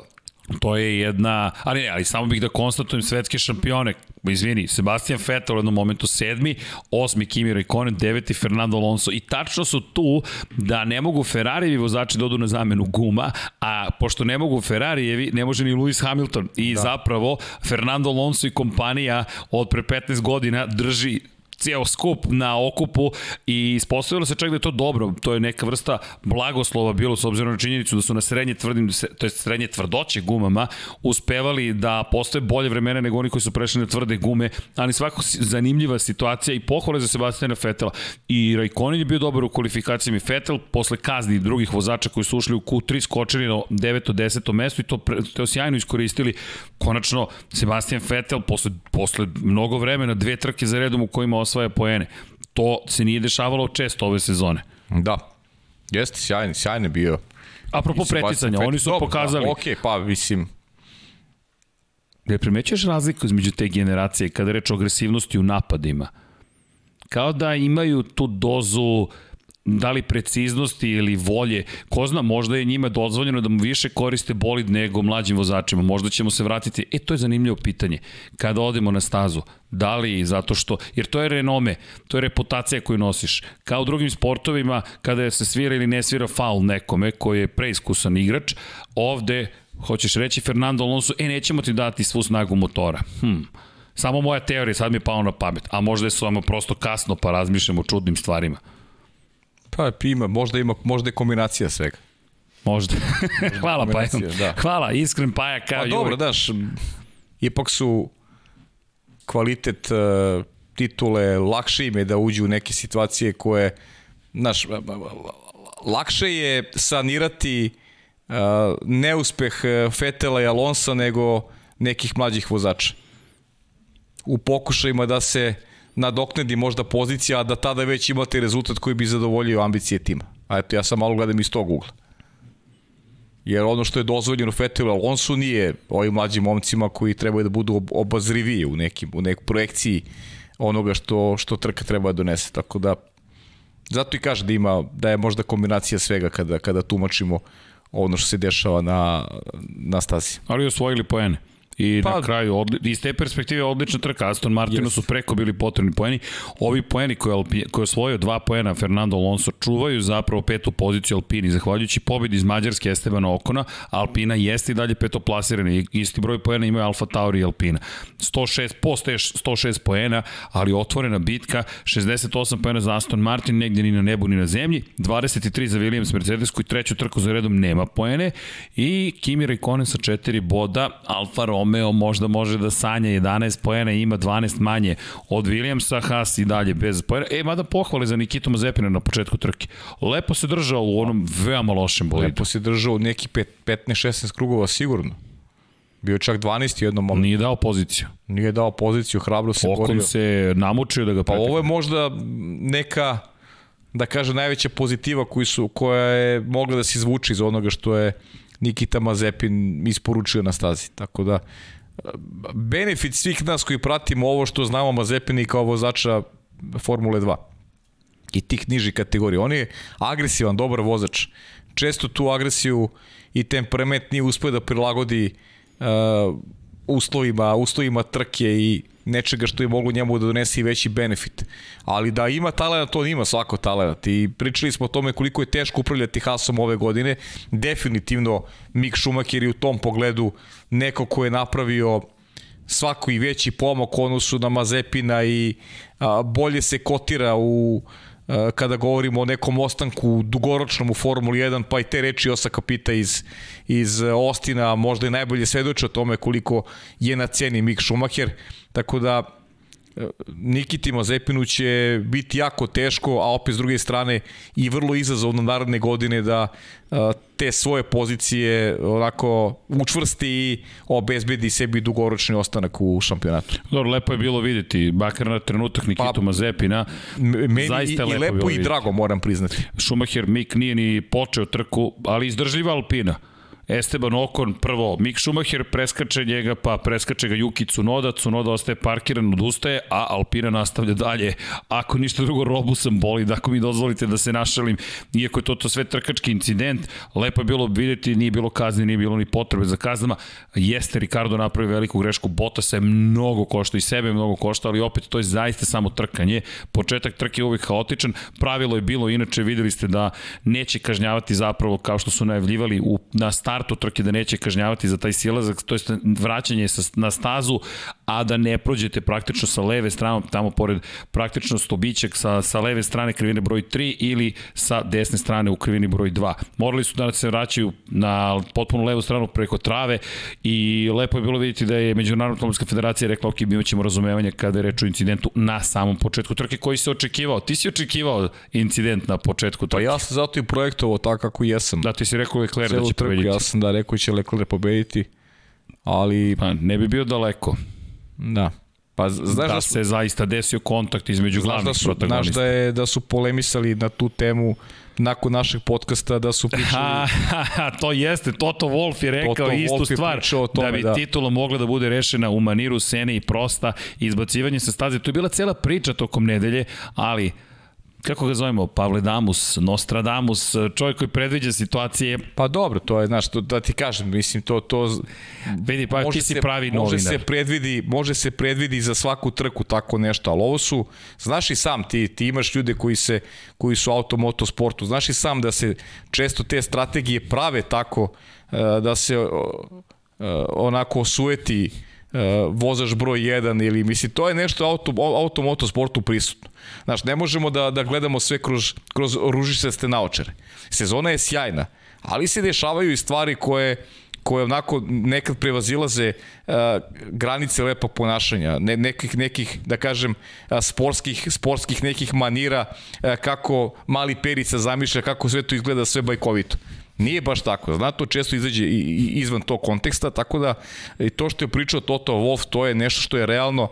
Ti ja smo dovoljno matori da se sećamo tih duela između Artura Sena i Alana Prsta. Ti nisi, okay, izvini. Dobro. Lep, meni su pričali, snimke, meni su je. pričali, Veljko mi je pričao pokojni od koga smo učili da, i ti ja Svima koji su pratili Tako je. gospodina Veljka Petrovića, imamo tu ideje, nismo odustali. Kasnimo, ali ćemo stići. Ne odustajemo ni od čega, ali, znaš, to su, to su neke stvari koje su obeležili istoriju ovog sporta i nešto što ne možemo da zapostavimo kao temu. Prosto to, to, to se dešava.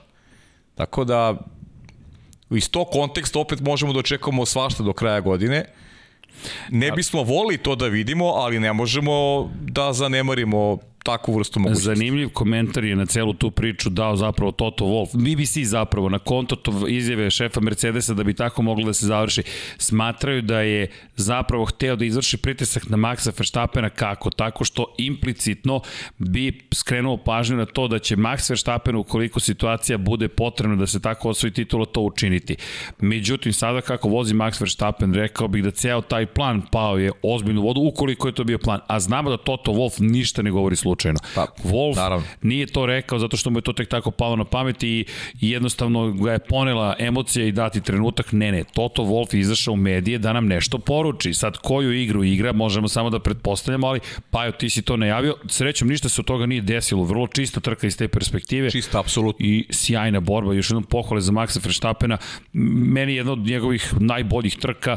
Prosto cela sezona i ono što si lepo rekao, 22 trke i ostati na ovom nivou, to mogu samo Lewis Hamilton i Max Verstappen u ovoj Formuli 1. Ja neću 1. da, mislim, neću da, da, da lažem sada samog sebe pre svega. Ja mislim da je Max Verstappen zaslužio šampionsku titulu po svemu onome što pokazao ove godine, ali i dalje je prvenstvo otvoreno upravo zbog toga što je rival taj koji jeste. Rival je velikan, rival je čovek koji ima ovakvu vrstu iskustva I to je nešto što ne sme nikako da se zaboravi.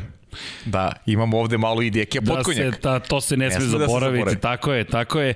A, Dom Pablo mi šalje, pazi ovu informaciju, Toto Wolf dao je naravno prve izjave. Slušaj izjavu, nije impresioniran načinom na koji je Valtteri Bottas ostavio otvoren prostor za Maxa Verstappena na početku trke.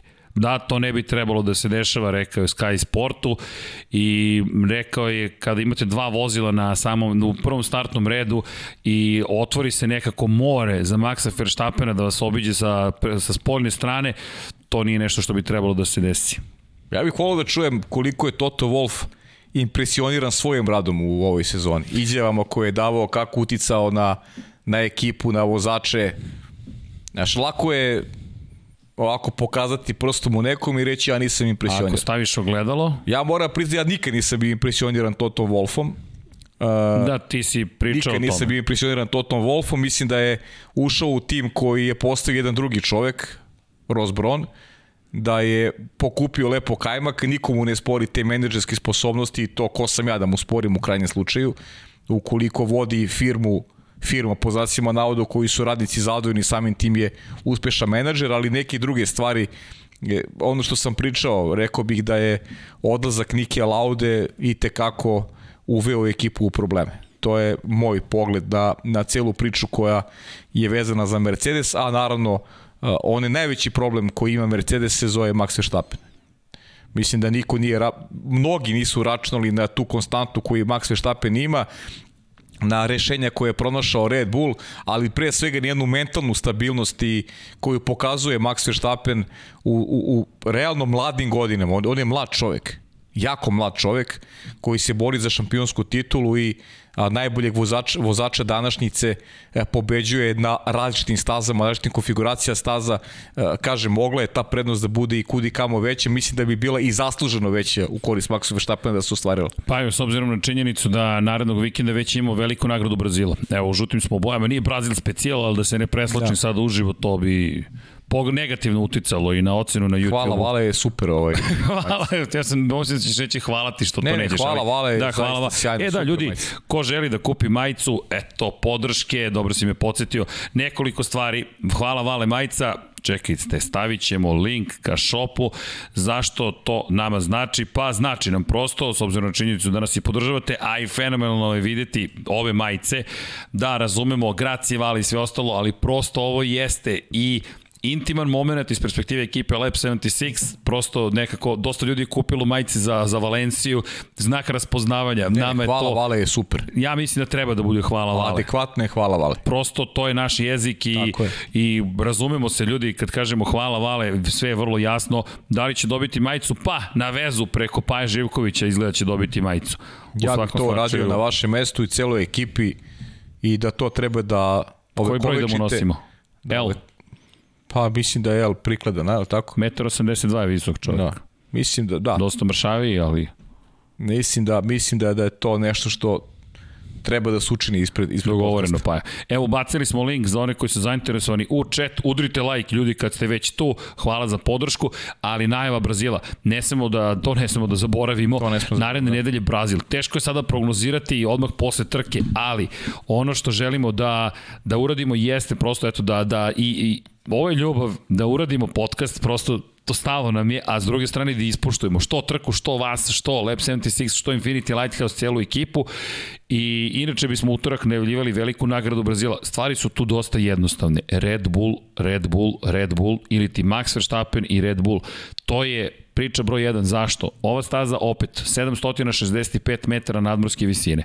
Ponavlja se priča slična Mexico City-u, očekujemo prednost da bude na strani Red Bulla iz te perspektive. Mercedes koliko god je pričao da ima brzinu, ispostavilo se eventualno u jednom brzom krugu i Toto Wolff je to rekao u ovoj izjavi, stigao sam da pročitam, dakle da ga ne teši previše najbrži krug trke koje je zabeležio Valtteri Bottas, ali eto u kvalifikacijama možda nešto mogu da učine i onda da se odbrane na ulasku u krivinu broj 1. Ukoliko im Red Bull ponovo dozvoli da uopšte uzmu pol poziciju, prvi startni red osiguraju, što mislim da se neće baš dogoditi. Zašto?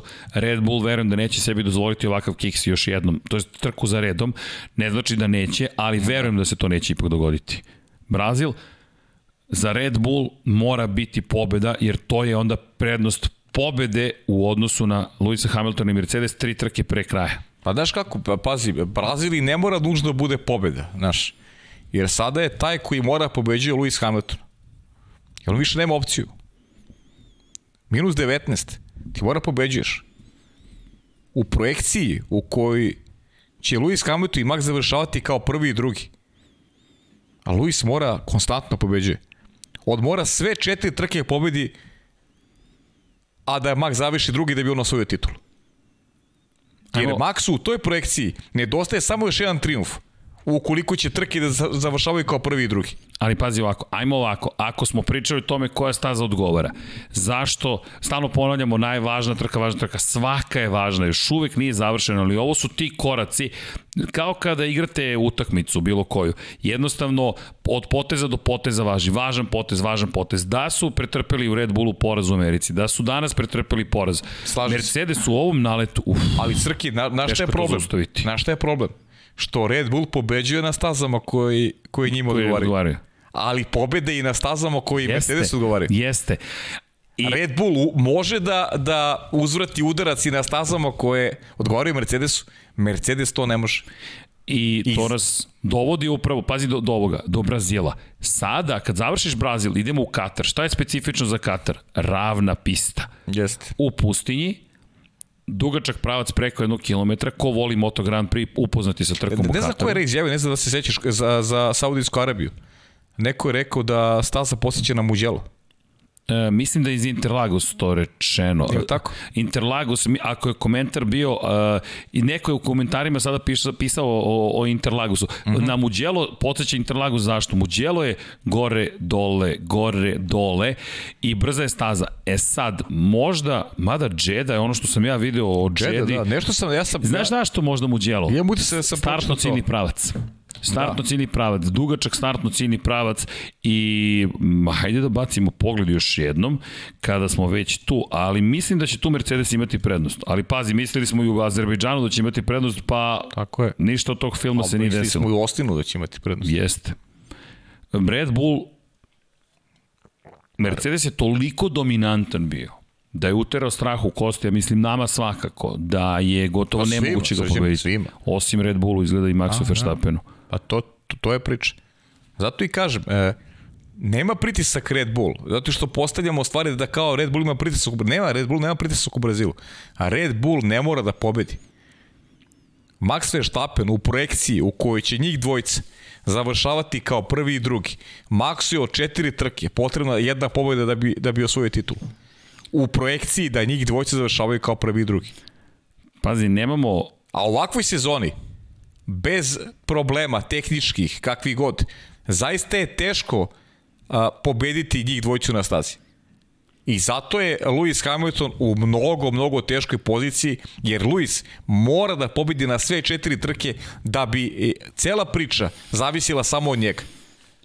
Pazi, on zavisi samo od sebe ako pobedi sve četiri trke. Okay. U suprotnom, ne zavisi od sebe. Pa pazi, ako pobedi u naredne četiri trke, postane šampion sveta. Srđene, on to je to, kraj. On najbolji svih kraj. vremena. Uzmi tu kacigu i... najbolji svih vremena. I, i, to je to. Ja potpisujem i govorim uvek da je Lewis Hamilton pazi, najbolji svih vremena. stavio si ruku na Bibliju. da, na Bibliju, baš. na Ayrtona Senu. To jeste moja Biblija. Na Ayrtona Senu si stavio ruku Ali i rekao... Ali zaista, ako pobedi da sve četiri trke i tako osvoji titulu, on najbolji svih vremena.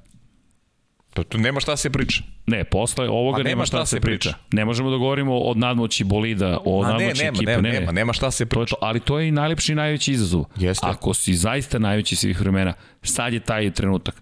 Sad je to taj je to. trenutak. U pet nedelja četiri trke.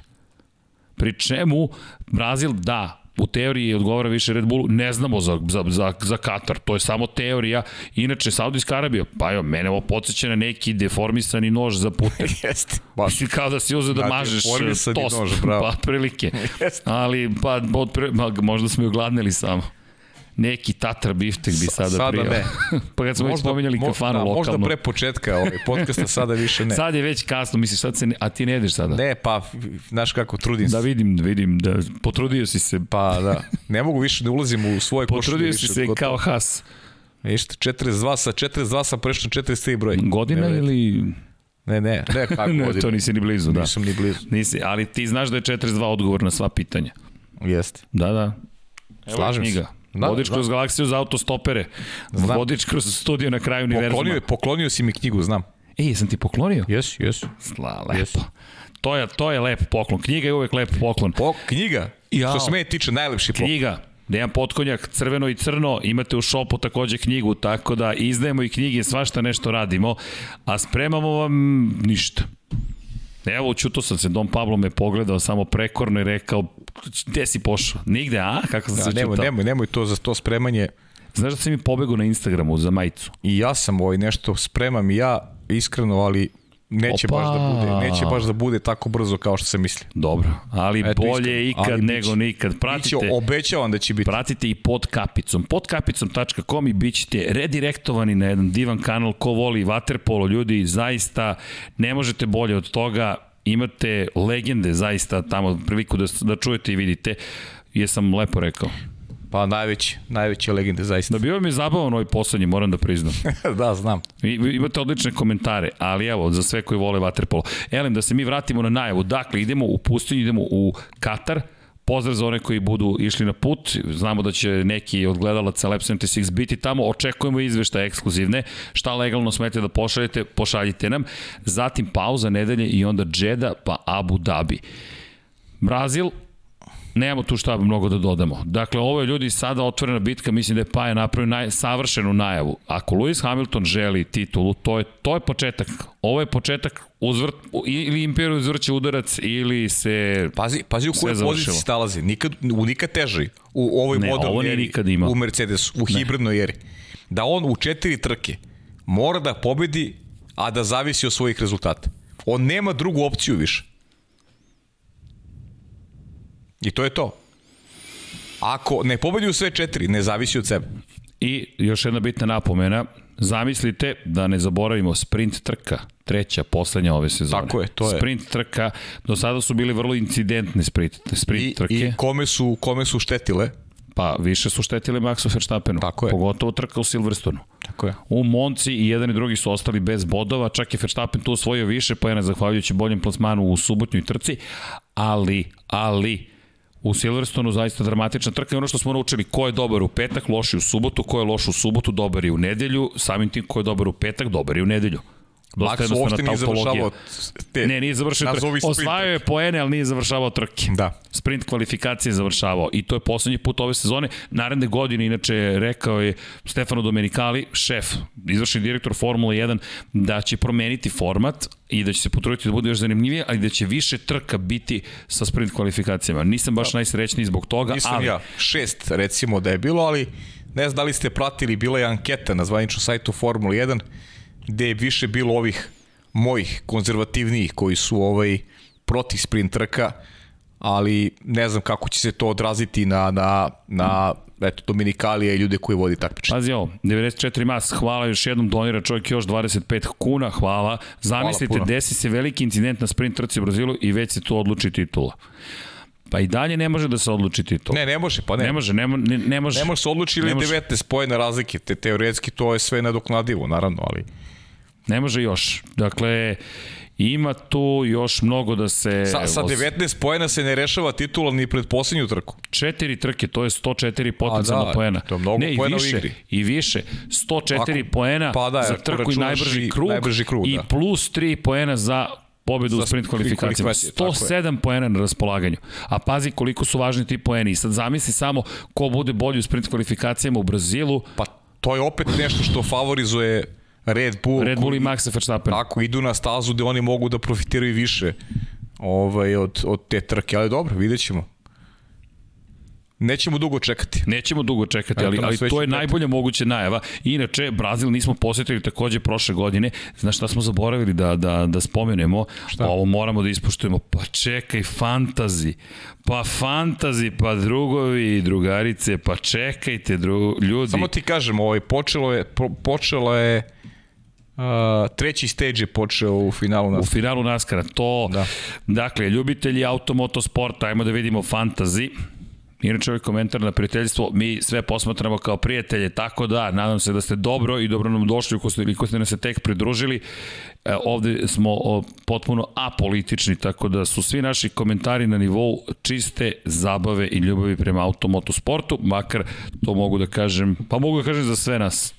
Da, Time se, tim sportom se ne bavimo, nego da mi vidimo liga, liga, naša politika je da svi budemo dobri ljudi ili se trudimo tome, da, ili težimo tome, dakle, 676. sam u zvaničnoj ligi Lab 76. Bri, briljiram, pa jo, briljiram, Bravo, bravo. ali Pa dobro, da vidimo kakva je situacija posle ovog kola. Dakle, da vidimo kakva je situacija, su uračunati poeni, da vidimo, jesu, 250 poena, Momčilo Team Death. Dakle, smrtonosni Momčilo iz Srbije, Srbije Momčilo J, 3521,5 poena. Leteći Mango takođe iz Srbije, Đorđe Š, 3514 poena. Vlada 22 Dragan S iz Srbije, 3501,5 poena. Šalu na stranu, hvala, to je... hvala, Pablo, hvala. šalu na stranu, Hvala, šalu na stranu, Nikola P, 3499, Durok, Uglješa E, 3498, drama je ovde, Stefanov leteći cirkus, Stefane, takođe iz Srbije, 3466, mazite se i pazite se, Aleksandar N iz Hrvatske, 3464, 13 Racing V1 Tarik iz Bosne i Hercegovine, Tarik K, 3445, Master Blan, Šejla Čebirić, 3443,5 i Ivane, opet piješ Nikola Z iz Srbije na poziciji broj 10, 3439, dodao bih S21R01, opa. Ko Ivan Toškov? Stefan, e, ne, Do, dobro, dobro. Ali zašto bih dodao Stefana R? Inače iz Srbije je 3438 pojena. Šejla, Nikola i Stefan imaju još jednog mega drajvera u svojoj rezervi. Mm, bravo. Tako da, čuvajte se u završnici, gledam ka Šejli, pazi, to je ozbiljno iskustvo. Pozicija broj 9, šaljemo ljubav Šejli našoj, čestitamo na pobedi Racing, Red Bull Racingu, zvanična predstavnica ekipe, makar u krugu ima Lab 76. I tako, ima tu zabavnih momenta. Inače, ko nije još igrao u ligi, evo, ovo je link, a naredne godine ćemo pokrenuti naravno novu. Dakle, pa jo, prođe trka i to kakva trka.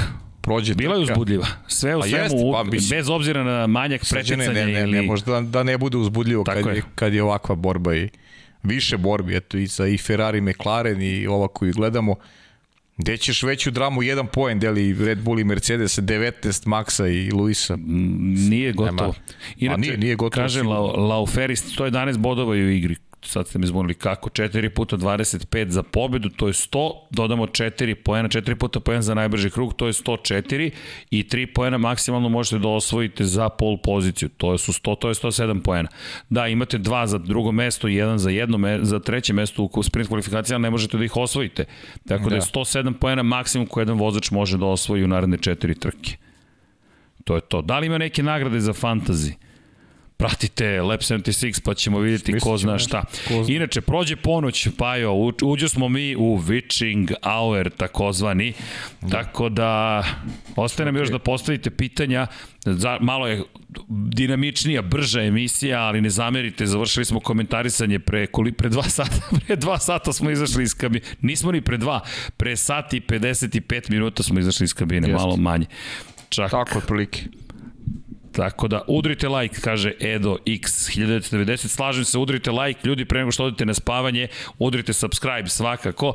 Inače, dajte i komentar, da li vam se dopada ovo što smo radili večeras, požurili smo posle trke, sticamo okolnosti, ali eto, ukoliko vama zabavno, i nama je svakako zabavno, a ukoliko neko ima pitanja... Pa dobro, mi smo, da, ovo je baš bio stici okolnosti, onaj jest. termin utorak je dobar, ali ajde vidjet ćemo kako će pazi, novinari, novinari smo obojice, znaš. Da.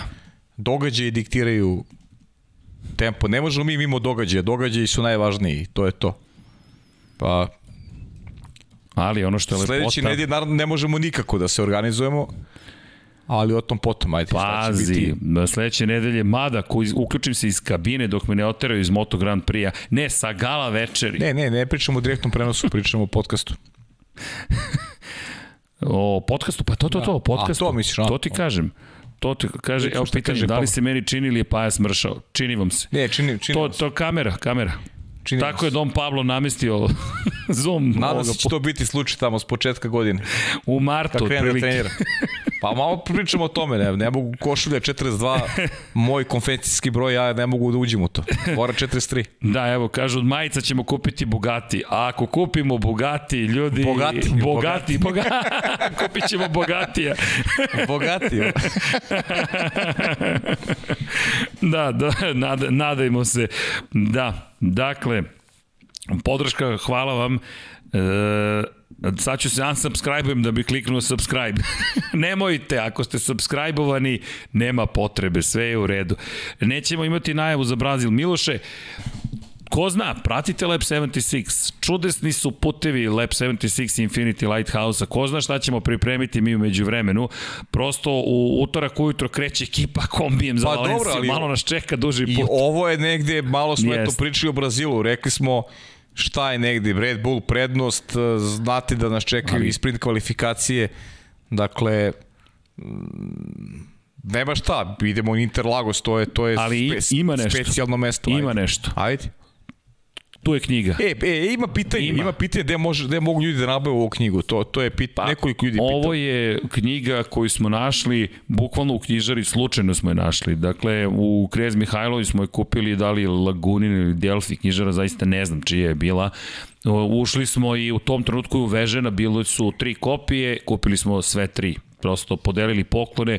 Pa ne, ovo kad vidiš, znaš da će nestati, ne, ne, ne, nemoj da se ljute oni koji su hteli da kupe knjigu. Jednu smo kupili za studiju, jednu smo kupili koleginici iz marketinga, jednu smo kupili, neće se više kome, nekom smo još poklonili, ali smo poklonili knjigu i povremeno se pojavi u opticaju, tako da eto, nadamo se da, da će ih biti još, ali javit ćemo vam svakako šta se tu događa. Da. Možemo e... da sugerišemo ovaj ljudima da da je nabave Yes. Mislim, koja god je knjižara u pitanju, Da. Imali bi kupci svakako. Inače, ono što bih napomenuo samo da kada je reč o, o, o Brazilu, ide se u zemlju Ayrtona Sene. To nije mala stvar. Lewisu Hamiltonu je bio idol Ayrton Sena, Max Verstappen, mnogi ga porede čak sa Ayrtonom Senom, koliko god je to nezahvalno poređenje, ali bukvalno idemo u Interlagos posle dve godine odsustva, idemo na jedno mesto koje je kultno. Iz te perspektive verujem da će to biti vrlo ozbiljna jedna trka, prosto uvek je tamo zanimljivo. Ja volim tu stazu, potpuno sam pristrasan kada govorimo i o rezultatima. Red Bull Racing je slavio 2019. Verstappen je zabeležio pobedu, pre toga Lewis Hamilton u Mercedesu, pre toga Sebastian Vettel u Ferrariju, pre toga Lewis Hamilton, dva puta Nico Rosberg, Sebastian Vettel u Red Bullu, Jenson Button, to je bila poslednja pobeda do triumfa Daniela Ricardo ove sezone za McLaren Mercedes, zatim Mark Webber, Sebastian Vettel, Mark Webber u Red Bullu, pre toga Felipe Massa, Kimi Raikkonen, Felipe Massa u Ferrariju, Juan Pablo Montoya dva puta za redom, jednom kao vozač McLaren Mercedesa, jednom kao vozač Williams BMW-a, Giancarlo Fisichella u Jordan Fordu 2003. godine. To, Michael Schumacher u Ferrariju, David Coulthard i tako dalje. Jedna staza koja je puna istorije i legendarnih nastupa, tako da kako god da stignemo u Brazil, to je samo po sebi. Pa pogledajte nalepnicu. A, tu je nalepnica, jednostavno i majica. Imamo Brazil specijal majicu za one koje zanima Brazil specijal majica. Evo daću i taj link, prosto to su neke stvari koje da, nama pomažu. Znaš što samo nedostaje veliko nagradi Brazila? Pa Brazilac u Formuli 1. Tako je.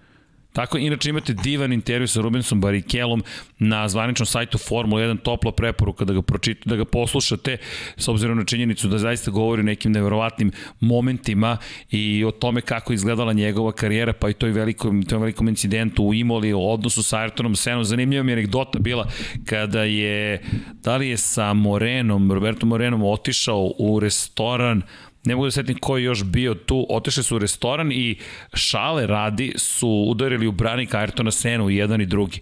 I Sena ih je pustio da se parkira, me parkirajte ispred mene, ostavio i ostavili su automobile na parkingu, otišli da večeraju, Sena je platio račun, izašao 5 minuta pre njih, vratili su se na parking i zadesili su ih uništeni, to je gledali su kako Sena se zaleći i uništava im automobile svojim kolima haha, moment ode čovek i to je bilo to i rekli su im nemoj da se šalite sa Senom. Ozbiljno shvata šale i nikad više, kaže, si ga pitao nekad za kola, kaže ne, nikad nismo spomenuli to kao da se nije dogodilo. No. Da, Tako da, znao za Da, da, nisam ni ja, zato kažem, poslušajte, neverovatan je Rubens Barrichello, zaista jedna neverovatna, neverovatna era praktično. Inače, evo i pitanje za E, poručbine za Bosnu i Hercegovinu sada, koliko znam, uspešno stižu u Bosnu i Hercegovinu. Da, da, stigle su majice. Sad, ukoliko ste naručili, samo nam pišite, pa ćemo proveriti da li smo nešto propustili, može da se desi, ali trenutno uspešno zaista funkcionišu stvari, čak i iz te perspektive. Kad je Pablo tu, to je sve okej. Okay. E, re, remetimo cirka, cirkadijanske ritmove, ali hvala. Opa, ovim ovde, u, u to ime hoće malo muzike. Ne, ne, ne, to ćemo za kraj ili? Za kraj, za, za kraj. Za kraj, kraj, za kraj. Dobro, da li ima još neko pitanje? Da li je moguće ima. kupiti Lab 77 sticker? Ne, ali 76 uh, će biti moguće. Sad spremamo i to. E, to, jel to smem da otkrijem? Spremamo set nalepnica ajde, koje štampamo, otkriti, evo da otkrije najzad, spremamo ajde. kad će biti, ne znam, reci ali nešto i pa ne mogu više, samo neke tajne tajne na kraju Pablo univerzuma. samo sa tajnama i u ljubavi. Pitanje treba da glasi da li biste volili da Lab 76 bude i nedeljom utorak se podrazumeva. jao. Pa jao, kuku mene. jao, kreve da nabavimo ovde hibernaciju da nas stavlja u frižider praktično. Da. Kada će biti kačketi? Da citiram e, proizvođača. To bi zaista bilo dobro. Ne, proizvođač nam je rekao, mi smo mnogo lenji. To je bila poruka, tako da kada prestane lenjost, nemojte da brinete, rešit ćemo, pitanju je neverovatna izjava, ali vrlo iskrena. I mi smo ovako gledali i rekli, ok, sve ok, kačket je proizveden, ovo je prototip koji zaista postoji i prototip napravljen koji je nasređen ove glavi. I čekamo da, ali mi od, od avgusta čekamo da nam proizvedu kačkete, mislim da ćemo promeniti proizvođača umeđu vremenu, doći će nova sezona Formula 1, ali trudimo se i tako dalje. Tako da, Evo, kada ćete nas spremiti nešto sa roštilja? Ne znam. U svakom slučaju, gde to bi... Sam ja, e, to sam ja pitao pre početka emisije, da znate. Da, e, pitao je Paja. Jesam. To je za Lab 76 broj 100. Pitao se da li će Jesmo rekli kafana. Šta si, šta smo Kafana. Ne, ne posećaju nas. ne posećaš te institucije. Jedete li vi išta na SK? Jedemo sve, kao što možete da vidite, i previše. Ja ljudi ne pitajte. Inače, Aleksandar Bobić pita da li vam je stigao mail u vezi knjige Veliki pozdrav za cijelu ekipu. Aleksandar Bobić, pogledat ćemo Aleksandre, hoće li biti nekih Šumacherovih majica? Ja ne smem ništa da kažem. Meni je zabranjeno da pričam, pa vi sad sami zaključite. Uh, Rale Niš, Ayrton Senate Portrait of Racing Legend Bruce Jones. Da, ovo je, to je ta knjiga. To je ta knjiga. To je ta knjiga. Jeste. Bruce Jones. Da vidim kada ćete nam... Uh, pitanje, dobro, vidim da je veselo raspoloženje i da je... Pa pije se voda, pa zato smo veseli. Tako je, da. I pitanje, kakav spojler srđane, šta ima još u knjizi? U kojoj knjizi? Kakav sam, šta sam spojlovao? Bruce Jonesa možda. Bruce Jonesa? A ne, nisam, ne, ne, nije spojil u knjizi, ovo 94 mas, to je Rubens Barrichello, podcast A, njegov. štima, aha, aha. U, u, u, kako se zove, podcast, ali to je samo jedna priča. Ljudi, Rubens Barrichello šta je sve ispričao, wow. Ali slažem se, možda treba da vodimo računa. Inače, moramo da nabavimo kišobrane. Pa da, ljudi, čekajte, moramo se pozabavimo emisijama, da bismo im bili u emisijama, moramo da budemo i prisutni u studiju. Polo majice, elegancija, biće i polo majice. Slažem se. Tako Treba je. da budu. Duksevi takođe. Uh, dosta ovde je sad komentara, ali gde su pitanje... E, ima pitanje Dragan Radojkov, evo imam pitanje, kaže, pozdrav iz studija, za studiju iz Komšiluka, šta mislite, da li će ovo biti ozbiljan pad Mercedesa ukoliko Red Bull osvoji titulu, kao što su imali Ferrari i Red Bull? Ja ne mislim iskreno ovaj, da će to biti pad Mercedesa, mislim da se paralelno sa ovom sezonom pripremaju i za narednu i da će Mercedes ostati sigurno u vrhu, imaće dva, dvojicu odličnih vozača naredne godine, veliko šampiona i, i Georgea Russella i o, sve nas zajedno zanima ko je napravio taj najbolji prelaz e, u ovoj novoj eri koja nas čeka 2022. godine, koliko su možda tu izgubili Red Bull i Mercedes e, stavljajući fokus na, na šampionsku titulu u tekućoj sezoni, ali ne mislim da će, da će Mercedes doživjeti pad.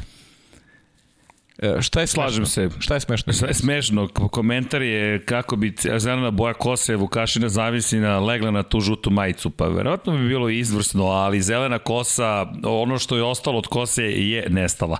Još će se ispostaviti da je Binoto bolje od Tota Wolfa. Nije Amire, baš Nije, nije, tako, nije, polako, nije, nije. polako, ima tu. Nije, Ovo je nije. prosto i ovo je prosto situacija u kojoj Toto Wolf je ispod nivoa koje je sam sebi postavio. To jest Mercedes je ispod tog nivoa, da ne kažem Red Bull je došao na taj nivo. Pa znam, ali, ali ozbiljna dalje. analiza to vezano za Mercedes. Uh, mislim da, da, je, da je ključna stavka za Mercedesa su ljudi koji su tu ekipu podigli, koji su uspostavili hjerarhiju. Jer to je bio najteži posao. A tada u toj priči nije bilo Tota Wolfa. A realno.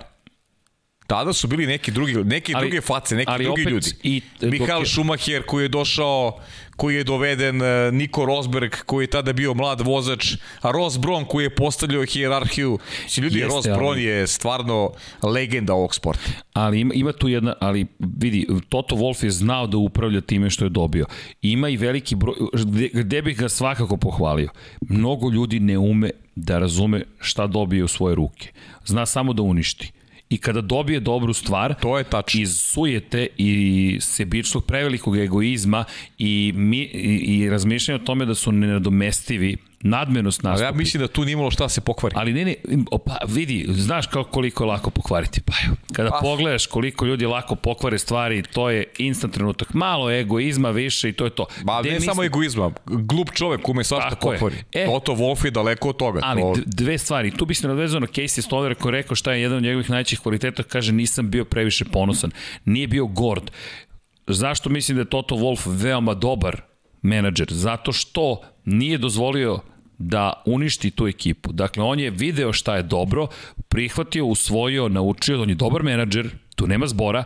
Sad, da li bi mogao ponovo da stvori ovu ekipu bez, kao što si rekao, Brosa Brona, Endija Cowella, Jamesa Ellisona, zaboravimo koliko ljudi je tu učestvovalo u svemu. Paddy Lowe je igrao vrlo ozbiljnu ulogu u toj ekipi. Tako da, pohvale Toto Wolfu u najmanju ruku za to, a i dalje mislim da je povlačio neke veoma dobre poteze, samo što je sada počeo da pov- povlači ne tako dobre poteze, da ne kažem loše.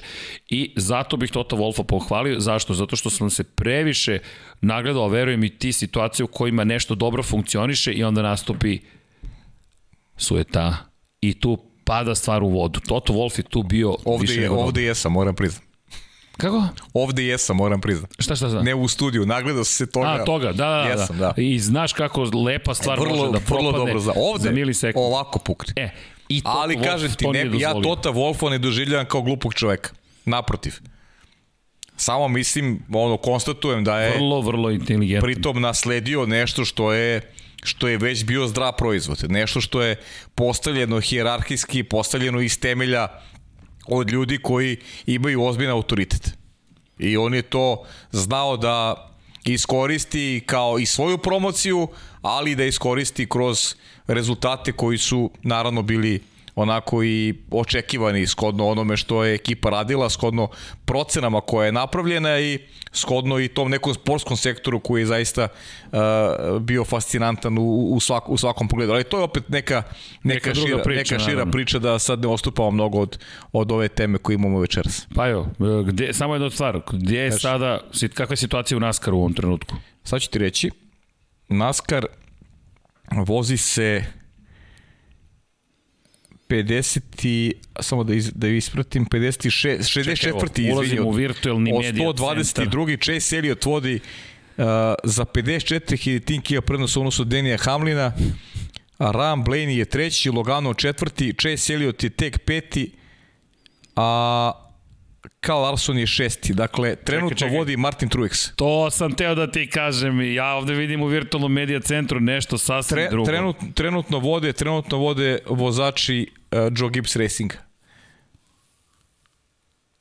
Vidi kako te gledam. Da, vidim. Martin Truex. Za one koji ne znaju, Pine vozač Joy, Joy Logano, moj Martin Truex, mi smo davne 2015. Yes. Pošto smo tek ulazili u NASCAR, izabrali da navijamo za nekog, to, da bude to smo, ličnije. To smo u prvoj trci koju smo radili, seća se, ti si izabrao Truex i ja Logano.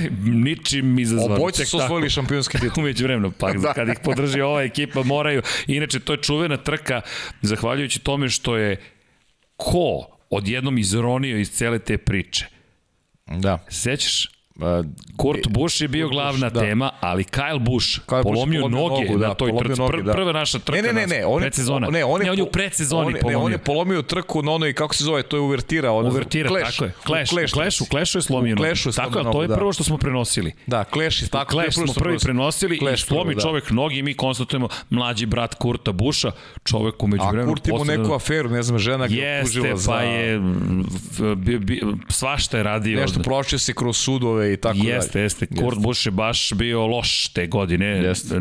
Nemojte to da radite. To, to je ne, ne, ne to je Pa dobro, ali sud, sud ga je oslobodio. Pitanje je šta je tu bilo. Ko zna šta je bilo, ali, ali, da, da ne ulazim u te detalje, to je već Budite dobri jedni prema drugima. E, to, je, to je, to je univerzalna To je najvažnije. Sad šta je radio Kurt oslobođen tih optužbi, tako da ko zna šta je to. Ali Kyle Busch je tu negde izronio, a nama Martin Truex, koji je bio u maloj ekipi, Joey Logano, koji je s Bredom Keslovskim bio u to vreme... E, sećam se, Furniture Row ekipa. Furniture Row, tako je. I, i i to svoju titulu sa, sa Furniture i to je jedan od najvećih Emotivna poduhvata. Sezona.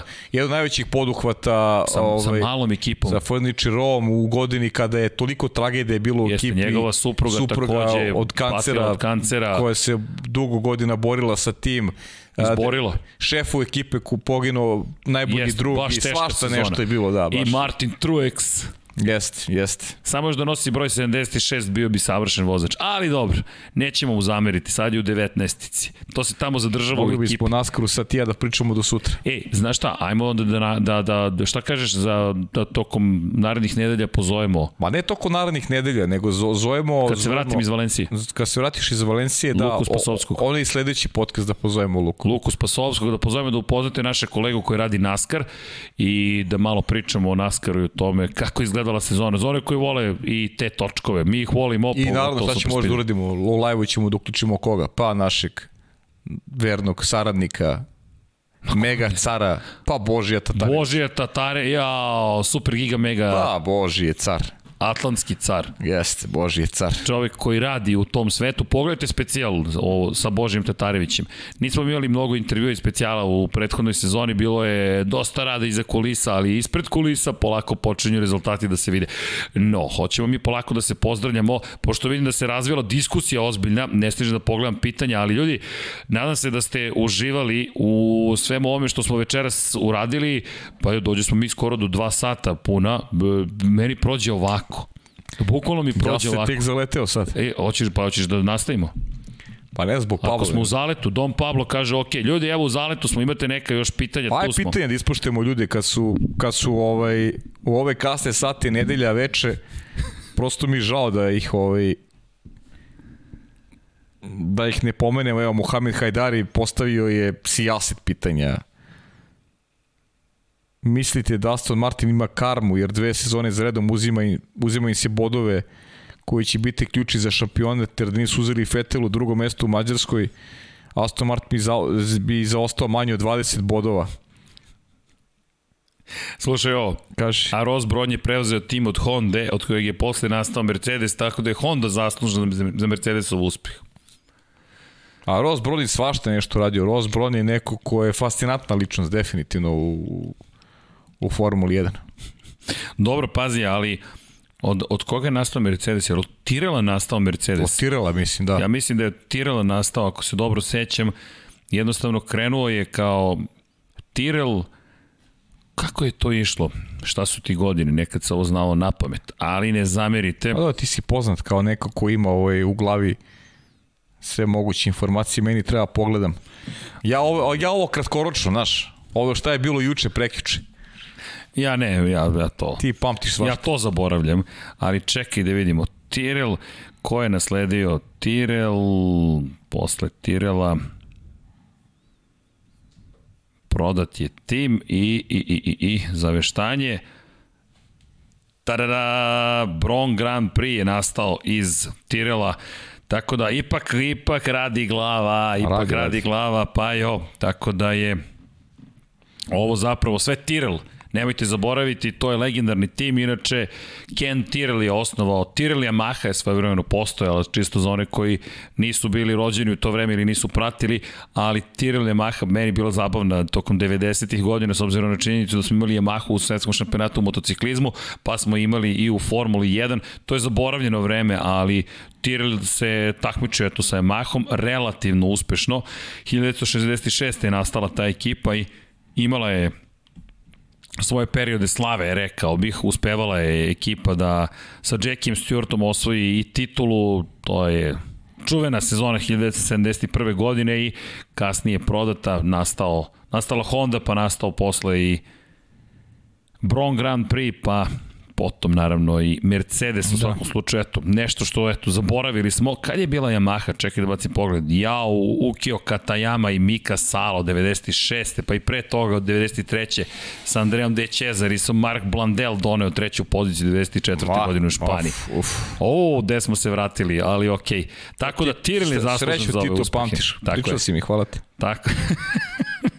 da. Kaže Lazar Slović, što se tiče maksove smerenosti, manjak reakcija, je pre svega do Red Bulla, kaže, oni ni Sebastianu Fetu nisu dozvoljavali da bude previše euforičan, neko moje viđenje. Hvala ti Lazare, to smo i tražili da i vi neke svoje, neka svoje zapažanje date. Ima, ima naravno da Red Bulla ozbiljna ekipa i ozbiljni ljudi koji vode taj tim. Inače, Vladimir Radaković pohvala za provajdera, već nekoliko podcasta za redom nema problema, kuc, kuc, kuc, da ne ureknem. Ovako, ja hoću da pohvalim ceo tim Infinity Lighthouse-a i neke divne dragi ljude sa Twittera koji su pomogli u toj situaciji. Šta smo uradili? Da nismo promenili sam provajdera, smo nabavili još jednog i čekamo da vidimo za još dva da li će nam se javiti, ali šta smo uradili?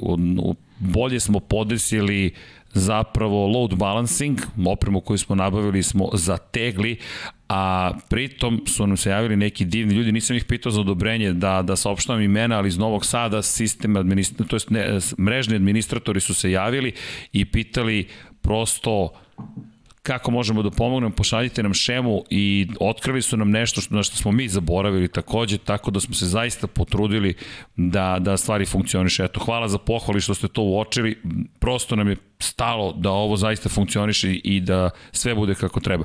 Inače, koja nam je omiljena sezona u Formuli 1? Ova. A opa, 2012. kaže Sidezax, dakle, Inače, svi traže zastavu Lab 76. Ok, nije loša ideja, zastava Lab 76, smeju se ovde. Da. Me, Dobro. Me, meni ova sezona onako baš, baš mi je draga. I ono što osjećam, ono što sam podelio i sa tobom, svaki ulazak u kabinu ovaj, me čini srećnim zato što Uh, ne znam šta da očekujem, ne znam šta ćemo da dobijemo, šta će da se emituje kroz, kroz treninge, kroz kvalifikacije, kroz trke i to je ono što verujem svi ljubitelji Formule 1 žele i mislim da se reflektuje i kroz posjetu na samim trkama. Jer ovo je godina, Monce tu malo razočarala, ali bilo je tu i određenih situacija vezanih za COVID, pa možda i iz tog razloga u Italiji nije bila dobra poseta, ali manje više zaista poseta u ovoj da kažem ovo vreme zaista čudno vreme koje živimo vezano za, za, za COVID mislim da su onako fascinantne i, i re, reflektuju se na ono što gledamo u trkama. Hvala Paju. I meni, danas kad smo završavali nekako osjećaj, i kad smo počinjali i, i muzika i sve kako se lepo složilo. Pa to ono što ljudi ne razumeju šta mi radimo recimo na sport klubu ja, ja sam nervozan kad ne mogu da uđem u kabinu 20 minuta ranije, da ne mogu da čujem šta se dešava na stazi pre nego što počnemo prenos. Zaista me to čini nervoznim, ali to je prvi put da imam taj osjećaj. Jer, jer imam potrebu da onog momenta kad dobijemo sliku, da odmah prisustujem onome što se dešava na stazi. Da vidim reakcije e, vozača, kako se ponašaju. Da, i, i pitanje, izvini, bilo to, to zašto ne uđemo ranije u prenos. Ljudi, nemamo gde da spakujemo sve sportke, Da. utakmice, događaje, pa pokušavamo to nekako da, da, da dođemo do toga. Verujte, ako se, da se nas dvojica pitamo, ušli bismo ušli na paradu vozača, verujte, od parade vozača sat i po, dva možda ranije, A, da. i pričali o svemu, praktično iz početka, iz početka. Ceo vikend da vam prepričamo, da vam prepričamo, apsolutno bismo to voleli, prosto direktni prenosi sportskih događaja su osnova, okosnica onoga što sport klub radi i samim tim kada god su A i drugi sport. A to je novinarstvo, tako ono je. što je glavni živo, događaj. To je to. Je to. Jeste, Živ tako da prenos. ova sezona da jedna, ali to je onako subjektivno, možda da kažemo kad smo bili klinci neka sezona emotivnija, ali profesionalno i, i ljudski prosto ne, ova pro, godina... profesionalno meni najbolja se. Ali, ali sve zajedno, pa i to što radimo Lab 76 zajedno i što pa smo pa, dobi, ovde i, i provodimo tačno, da. dosta vremena nekako zajedno i drugačije posmatrano stvari. Zahvaljujući vama, da se ne zaboravi to, i na Twitteru i na društvenim mrežama i kroz YouTube i kroz Lab 76 Infinity Lighthouse, prosto, i tu nije šala, nisu floskule. Ono što vi nama dajete za uzvrat, ta energija, ta vrsta emocija je nešto što ne može niko da, ne, to se ne kupuje, to nije pitanje novca. Evo nas u pola noći, sutra je ponedelja, ponedeljak, mi pričamo o Formuli 1, vi ste sa nama, ja ne znam šta više od toga možemo da tražimo, zašto je najbolja sezona. Krajnje subjektivno, slažem se s Tom Pajom, iz svih ovih razloga ova. Nadajmo se da će sledeće biti još bolja, ali trenutno je ova. Inače, lep komentar Rile the, Bo the Boss i Jos Verstappen je vozi u Tirelu Tako da, da. je Jos Verstappen vozi u Mercedesu. Eto, jedan Bukvalno. Verstappen je bio u toj ekipi. Pitanje, da li poznajete vašeg kolegu iz Slovenije, Mirana Ališića, po meni najbolji komentator s ovih postora svih mene, preporučujem ostane da pogledaju klipove na YouTube-u, Alen Jesenović. E, nisam ga nikad, nismo ga mi upoznali, ne, ne, plike, ali hvala za ideju. Evo, stupit ćemo u kontakt s čovekom preko LinkedIna. Pa ćemo, ako imate kontakt, pošaljite na lab76 at infinitylighthouse.com. Rado ćemo stupiti u kontakt da upoznamo neka nova lica sa svih prostora prostora, dakle, bivše Jugoslavije i šire, ukoliko možemo da se sporazumemo, a delimo, ako nije isti jezik, sličan je jezik i ako možemo da komuniciramo, pa i na engleskom ako treba da komuniciramo, bitne su emocije, potpuno je nevažno. Da važno je da se podele, da se podeli ta ljubav prema automotosportu, Tako da vrlo rado, ali eto, nismo imali priliku još da se upoznamo, mada znam za gospodina Ališića i da, re, mogu da se samo složim sa vama, prosto jedan neverovatan komentator, tako da lepa, lepa ideja, moram da, da priznam. Radim Ivanović pita, kaže da su Bottas i Luis zatvorili Maxu u levu stranu i prvi ušli u, u prvoj krivini, kako bi se po vama završila trka? Kako, kako? Da, da su Bottas i Luis zatvorili Maxa Dobro. u levu stranu Dobro. i prvi ušli u prvoj krivini, da. kako bi se po vama završila trka? Pa sad, dakle da je Verstappen na poziciji broj 3. Ako tako da posmatramo Na poziciji broj 3, a Luis ušao prvi u prvu krivinu, Luis bi pobedio trku. Da je Znaš tako kako? prošlo. Ja razmišljam o Francuskoj. U Francuskoj to tako izgledalo isto, pa su pobedili u Red Bullu. Ne, ne znam, ali... Ne, ne, pa dobro, to je sad... Prvi, drugi bi bili opet Hamilton, Verstappen, sigurno, samo pitanje Tako rasporeda. Tu sad mnogo zavisi od toga, pa, nešto nismo od, videli. Da šta bi zavisilo od toga? Zavisi bi od tajminga ali, kada bi Max uspeo da se oslobodi po znacima navoda prestigne Valterija Bottas. Nismo Ukoliko videli... bi Luis to iskoristio da napravi razliku, teško bi pobedio. Pazi, nismo videli Verstappena u preticanjima. Mi ne znamo kako, da. njegov, kako bi njegov bolid funkcionisao u toj situaciji. A to su samo Sad nagađanja. Sad nagađanja. Nagađanja, ali to nisu učinili. Ali dobro je pitanje svakako. Jeste. Kaže Amir, man pretekao bi ih Max, opet ne mogu mu ništa. dobro, okej. Okay. Okej. Okay. Vladu Vesića dovedite diskusije Srke i Vlada iz jednog od postaka je bila sjajna. Važi Amire, evo, dovodimo, prolazi sezona MotoGP-a, više prati MotoGP, ali vidjet ćemo da li Vlada prati i da. Formula 1, pa eto, svakako E, nešto poslije da Deki Andrić, Deki Andrić uvijek ima i pitanja, Da. a posjeća da je Gabriele Trkvini saopšto, saopštio za vikend idu u penziju na kraju VTCR 2021. godine u 59. godini života. Čovjek koji je vozio 700 trka i zaista je vredi, eto, ovaj, vredi to eto napomenuti u ovom podcastu. Hvala. Hvala, hvala Deki hvala, na, na hvala ovom za informaciju. Inače, slušaj komentar Lude žene. Vidim je da će Lab žene. 76, tako se potpisala dama, biti, da će Lab 76 biti ime tržnog centra i fabrike tekstila, stopama Rosije, možda i pizzerija. Da krenemo mi od ove pizzerije. Ako se slažete, Pa, pa, je... Pablo, Pablo je nudio neku picu pre početka, ovaj, ali Ali od tog nismo filma, prihvatili izazov. a Da. to, tog Sada filma nema ništa. Sada gotovo. E, e, Zan, Avidan, zamislite braću, imate SKF1 i MotoGP kanal i 24 sata se vrte trke. E, ljudi, imam jedan amadman. To je naš- Imam jedan amadman. Pablo, 94. krug je od 122 u trećem. Da Dobro. ispratimo, da sačekamo kraj. Okej, da sačekamo kraj, da vidimo ko će biti da šampion u NASCAR-u, Jer baš. Martin Truex vodi. Baš. Znam da će ovaj gospodin s leve strane biti zadovoljan ukoliko ovaj, osvoji šampionsku titulu, a iskreno, u ovoj konkurenciji ja navijam za Martina Truexa. Dobili smo crni ekran, ali zvuk nije ugašen, tako da je sve vrlo jednostavno. Pozdrav ljudi, do, pa do kada će više Đovinaci biti 11, imam osjećaj da čovjek svaku trku završi tik do bodova. Znaš šta mi je sad palo na pamet? Hvala za Luxora 2001. Pajo, znaš ko je Antonio Đovinaci? Kako misliš ko je? Znaš ko je on? A Niko Hulkenberg. Tako je, Niko Hulkenberg, savremene Formula 1. Gospodin 11. Nije dobra taktika bila danas. Jesu dobro menjali gume, ali Ali pazi, delovalo je da je dobra taktika. Pa da, Svi smo ali- mislili da je to potez. ali tvrde gume nisu radile. Pritom bio je zaglavljen. On je, znaš gde se vratio na stazu, se sećaš? Na, na zat, ne, Pa ne, 14. 15. pa ne, iza Ricardi i Bottas. Jao, da, on se zaglavi. Pa iza Ricardi i Bottas se vratio na stazu. On je gledao kako Bottas prati Ricarda, mučenik, celu trku. Da, ali tu nema šanse. Pa Alfa ne, Romeo, pa šta da radi on pa protiv i samo da Ricarda? gleda. Šta će? A da gleda sam. Da čita potpis na zadnjem krilu, ništa, ništa. drugo ne ostaje. Pa dobro, i Bota se A nagledao ovi ispred, Alonso, Raikkonen, ostali su na srednje, tvrdim, i konstantno su popravljali vreme. Ja mislim, ja sam. Svi smo videli vrlo brzo da nema ništa od Đovinacije. Ja baš volim Đovinacije, iskreno. Mačak from Čačak, na kom kanalu ima prenos Naskara? Na Novo S. Na Novo S, da. Na Novo S trenutno Ej, traje. ljudi, gledajte makar završnicu. Da. Slušajte nas i gledajte završnicu. Inače, Vladimir Radaković da. pita da li će biti podcast i kada se završe sezone. Apsolutno. Pa uvek ih, O, pa i prošle godine je mi- tako bilo. Čujte, novogodišnji podcast, jedan od naših omiljenih. Pa Ja mala je da se pauza, baš mala je pauza između kraja Pa sezone i više nema, nove. ne, nema pauze. Vi u februaru već imate prvo testiranje Moto Grand Prix-a. Do 15. decembra praktično traje sezona Formula 1. Počinje u martu, imamo januar, februar. U tom periodu nema mnogo spavanja.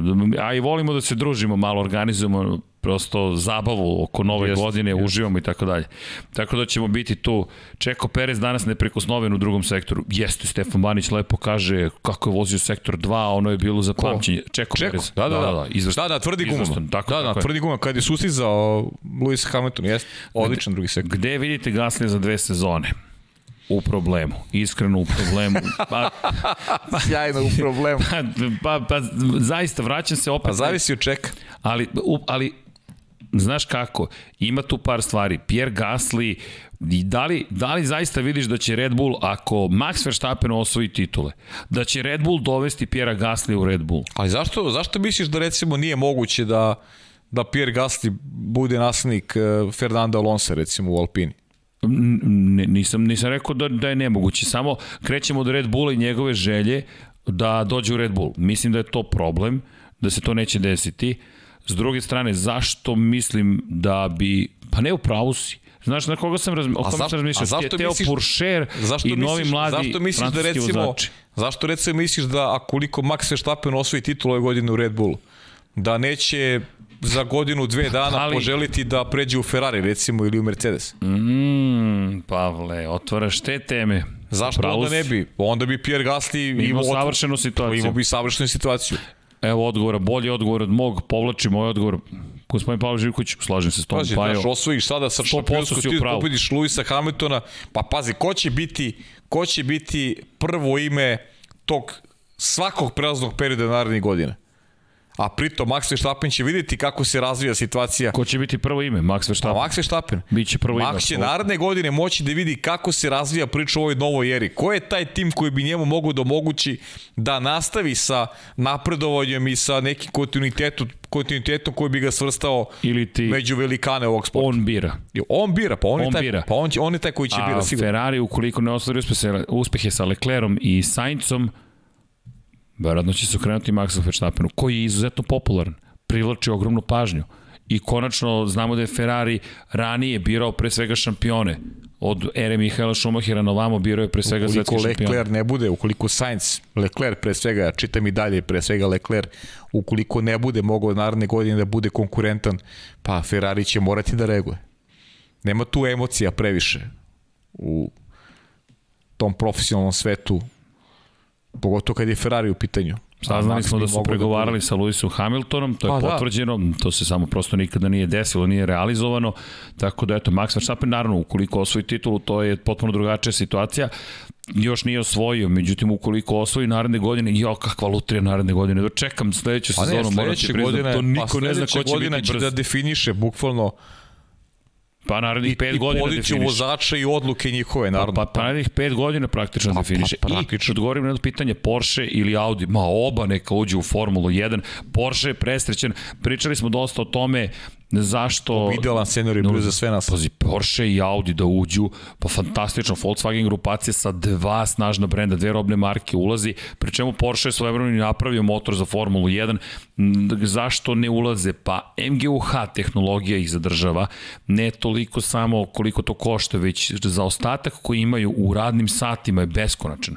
MGUH, ovi timovi razvijaju 2013. aktivno koriste MGUH od 2014. Zašto MGUH toliko bitan? Pričali smo o tome kako funkcioniše MGUH u jednom od podcasta. To bismo mogli da, da prosto eto, negde ubacimo kao link, ali ajde sad da se setimo uopšte u kom smo podcastu pričali, no činjenica je da je MGUH jedna fascinantna tehnologija, iako se priča o toplotnoj iskorišćenosti, u suštini kinetička energija prevashodno u pitanju, ali MGUH je jedan fascinantan sistem, nije toliko primenjiv u saobraćaju, međutim Andy Cowell, složio bih se s njime, jedan od glavnih ljudi Mercedesa do ove godine rekao da je šteta što se ukida MGUH. MGUH dozvoljava tu vrstu efikasnosti od, preko, od 50% zapravo koju imaju u Formuli 1 trenutno i konjske snage od preko 1050 konja na motoru od, 1000, od 1600 kubika uz naravno elektromotore na MGUH i MGUK Tako da je Porsche zahtevao da se to ukine kako bi mogao uopšte da uđe u na jedan konkurentan način u takmičenje. Šta će doneti MGUH? Odsustvo MGUH. MGUH, čisto podsjećanje radi, stoji na osovini turbokompresora, dakle turbinu pokreću izduvni gasovi, kompresor je sad da li odmah tu ili na prednjem kraju bloka motora, ali činjenica je da e, čemu služi generisanje električne energije i kada je reč o turbini, pokretanje turbine u takozvanoj turbo rupi. E sad, šta će morati da se desi kada MGUH prestane da postoji? Moraju da nađu način da anuliraju zapravo prisustvo takozvane turbo rupe.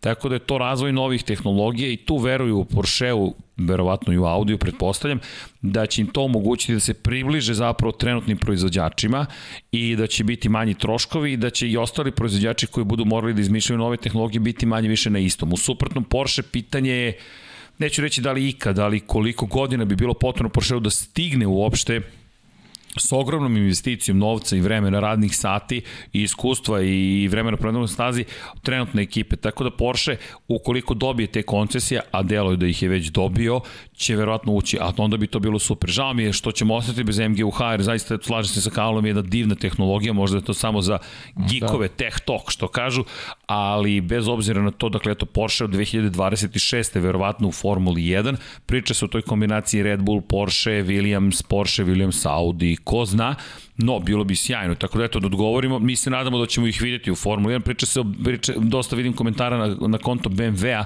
dosta, nekoliko, ali BMW za sada nije izrazio neku pretranu želju da, da ulazi u Formulu 1. Možda se stvari promere, ko zna, Toyota, možda pa i na slabost, možda je to tvoja slabost, Toyota. Pa jeste, da se vrati. Da, jeste, ja, ja se priznajem da ono, ono, ono vreme Tima Gloka i, i Arna Trulija je bilo fascinantno. To su te ekipe srednje kategorije koje su nam neophodne svakom šampionatu su neophodne da mogu da utiču i tekako niskode trka da osvajaju, da osvajaju podijunske pozicije i Toyota, Porsche, Audi, srđane, to je san.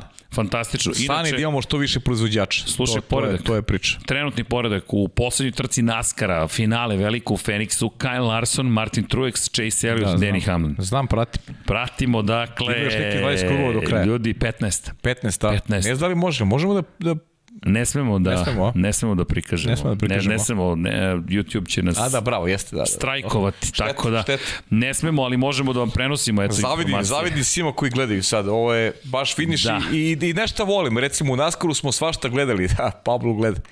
U Naskaru, smo, u Naskaru smo svašta gledali ali kad je ta posljednja trka u pitanju, svi se sklone i puste četvoricu najboljih da oni između sebe reše šampionat. Nikada tu nije bilo mešanja uh, ljudi koji nemaju šansu da osvoje šampionsku titulu i to je, to je zaista lepo. Tako da njih četvorica u principu rešavaju i vidim da se nalazi na tim vodećim pozicijama. Da, to je logika. Inače, za oni koji eventualno ne znaju, 36 trka imate u celoj sezoni NASCAR Kupa, to je glavno takmičenje Pa da, NASCAR-a. kup serija, to kup je. serija. I 26 trka je regularni deo sezone. Zatim imate tri e, tri perioda sa po tri trke u kojima se smanjuje broj vozača koji su u play-offu. U play-off ulazi 16 najboljih kako. Kada pobedite u nekoj 26 trka, do, imate zagarantovan prolazak u play-off ukoliko osvojite dovoljno poena da budete među vodećih 30 takmičara u šampionatu. Ukoliko ste van vodećih 30, šta god učinili s brojem pobjeda, ne idete dalje. Na šta vas to tera da imate jednu regularnu sezonu u kojoj stalno osvajate bodove i tera vas da se borite za pobedu, da ne možete samo poenima da prođete dalje. Ili ti, ukoliko je neko 25 i nema pobedu, ne može, teško će uđe u play-off u koji ulazi 16 vozača. Ukoliko ste deseti, ali nemate pobedu, može da se desi da ne prođete dalje. Tako da ne možete samo da skupljate poene, već morate da idete i na rizik pobedi. To je dobar sistem. Zatim, posle tri trke, opet pobeda vas vodi u sledeći period takmičenja u play-offu, ko skupi dovoljno poena da bude među vodećih 12, ide dalje Zatim, vodećih 8 i na kraju, posle devete trke play-offa, četiri najbolje vozača se bore u poslednjoj trci sezone za titulu. Kyle Larson trenutno je na vodećoj poziciji, ali Danny Hamlin je upravo pretekao Chase-a Elliotta 10 krugova je do kraja, pa je prava drama i da vidimo da li Hamlin može da napadne Truexa. Truex je na 70 tinki za ostatku odnosno na Larsona, ali kako je Larson vozio ove sezone, nisam Pa siguran. Larson ima najviše pobjede ove godine i rekao sam onom utorak u podcastu da su mi neko favoriti momci Henrik Motorsport, ovo je njihova godina. Jeste. Ali generalno Chevrolet dominira, Fordovi nisu uspeli da pronađu rešenja i e, to se vidi i kroz plasmane pre svega e, Hasovog tima, ja ne znam da li su imali jednu pobedu, mislim da je Kevin Harvick imao jedan triumf ove godine, to, da je to sve od Baš je loš bio. Pa opet ni, ni, ni, ni Penskijev tim nije, nije bio impresivan, tu je Ryan Blaney recimo najbolji učinak. Tako da ova četvorica su apsolutno zaslužije se nađe u tom velikom finalu. Martin Truex inače pokušava da smanji razliku i ispod 70 tinki, ali ne da se odlični Kyle Larson. Dva puta po tri triumfa za redom. To se nije desilo Kyle Larson nikad nije bio 80-ih. šampion. I to je, Da. da. sećaš se, ti ja smo radili te trke, to je ono vreme COVID-a kada ima onaj incident.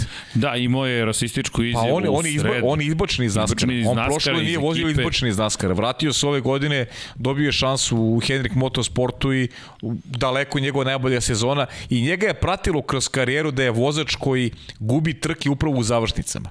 I to u situacijama kada vodi i te neke kritične trke gubi u finišima. Da li će sada možda eto izgubiti opet jedan jedan duel, možda najvažniji duel koji vodi u svom životu. Ovaka prilika se ne ukazuje često vozačima. Ne. I ovako dominantna sezona. Dominantan je, ali eto, vidjet ćemo. Mislim, mislim da će biti, da, da će uspeti. Prosto deluje mi da je ovo njegova godina. Inače, to je incident posle kojeg je zasluženo i bio kritikovan. Problem je bio u tome što je ostao uključen, ostao je uključena kamera, je vozio je inače protiv Baba Volinsa koji je afričko-američkog porekla i čovek je prokomentarisao na potpuno neprimeren način Pa da. stvari.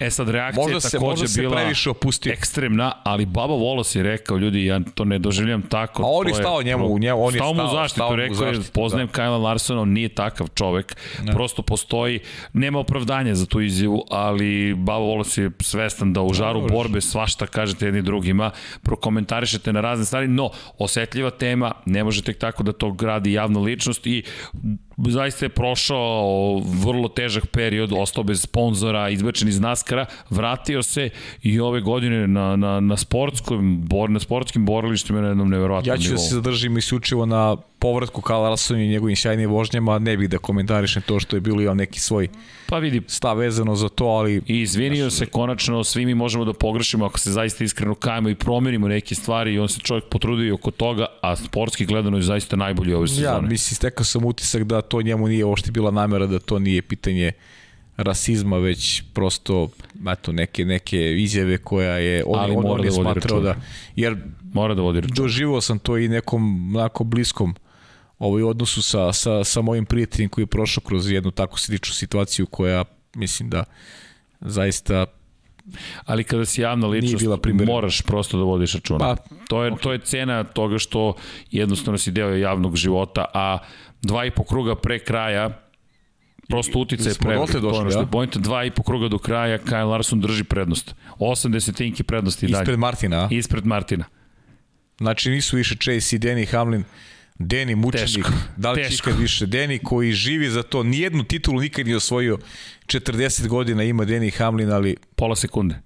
Pola sekunde. Pola sekunde. Ajmo, Martine, prijatelju stari, da vidimo da li to ali može. Ali zaista nemam ni tu vrstu emocije. Ukoliko pobedi i osvoji titulu Kyle Larson, više nego zasluženo. Zaista fenomenalna sezona. Evo, krug i po do kraja. Čovek, zamisli kakav je to pritisak, zamisli tu emociju, kakav je to osjećaj.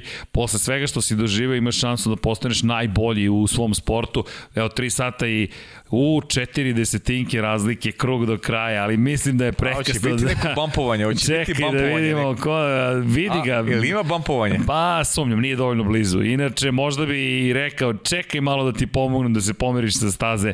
Jednostavno, mislim, evo, još pola kruga bukvalno paju do kraja i to bi bilo otprilike to. Dakle, da ide, evo ga, to je to. Kaže Dom Pablo završeno, to je to. Znači, Kyle Larson. Kyle Larson, pobjeda i šampion novi Naskara, čestitke.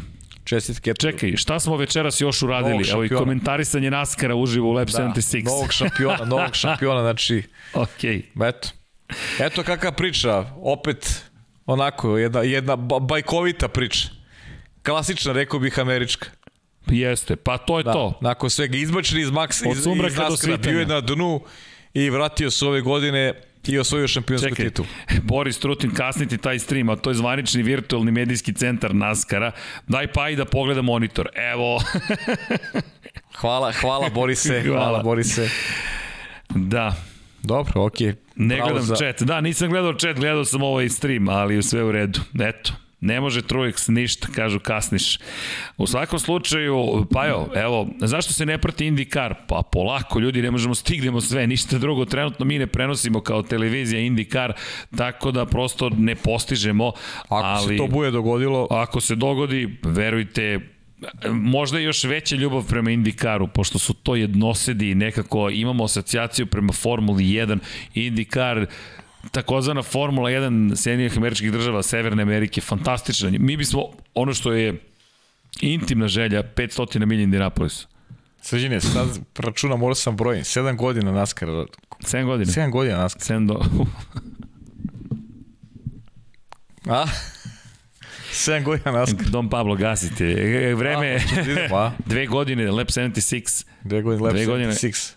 Lab 76 i nadamo se još mnogo.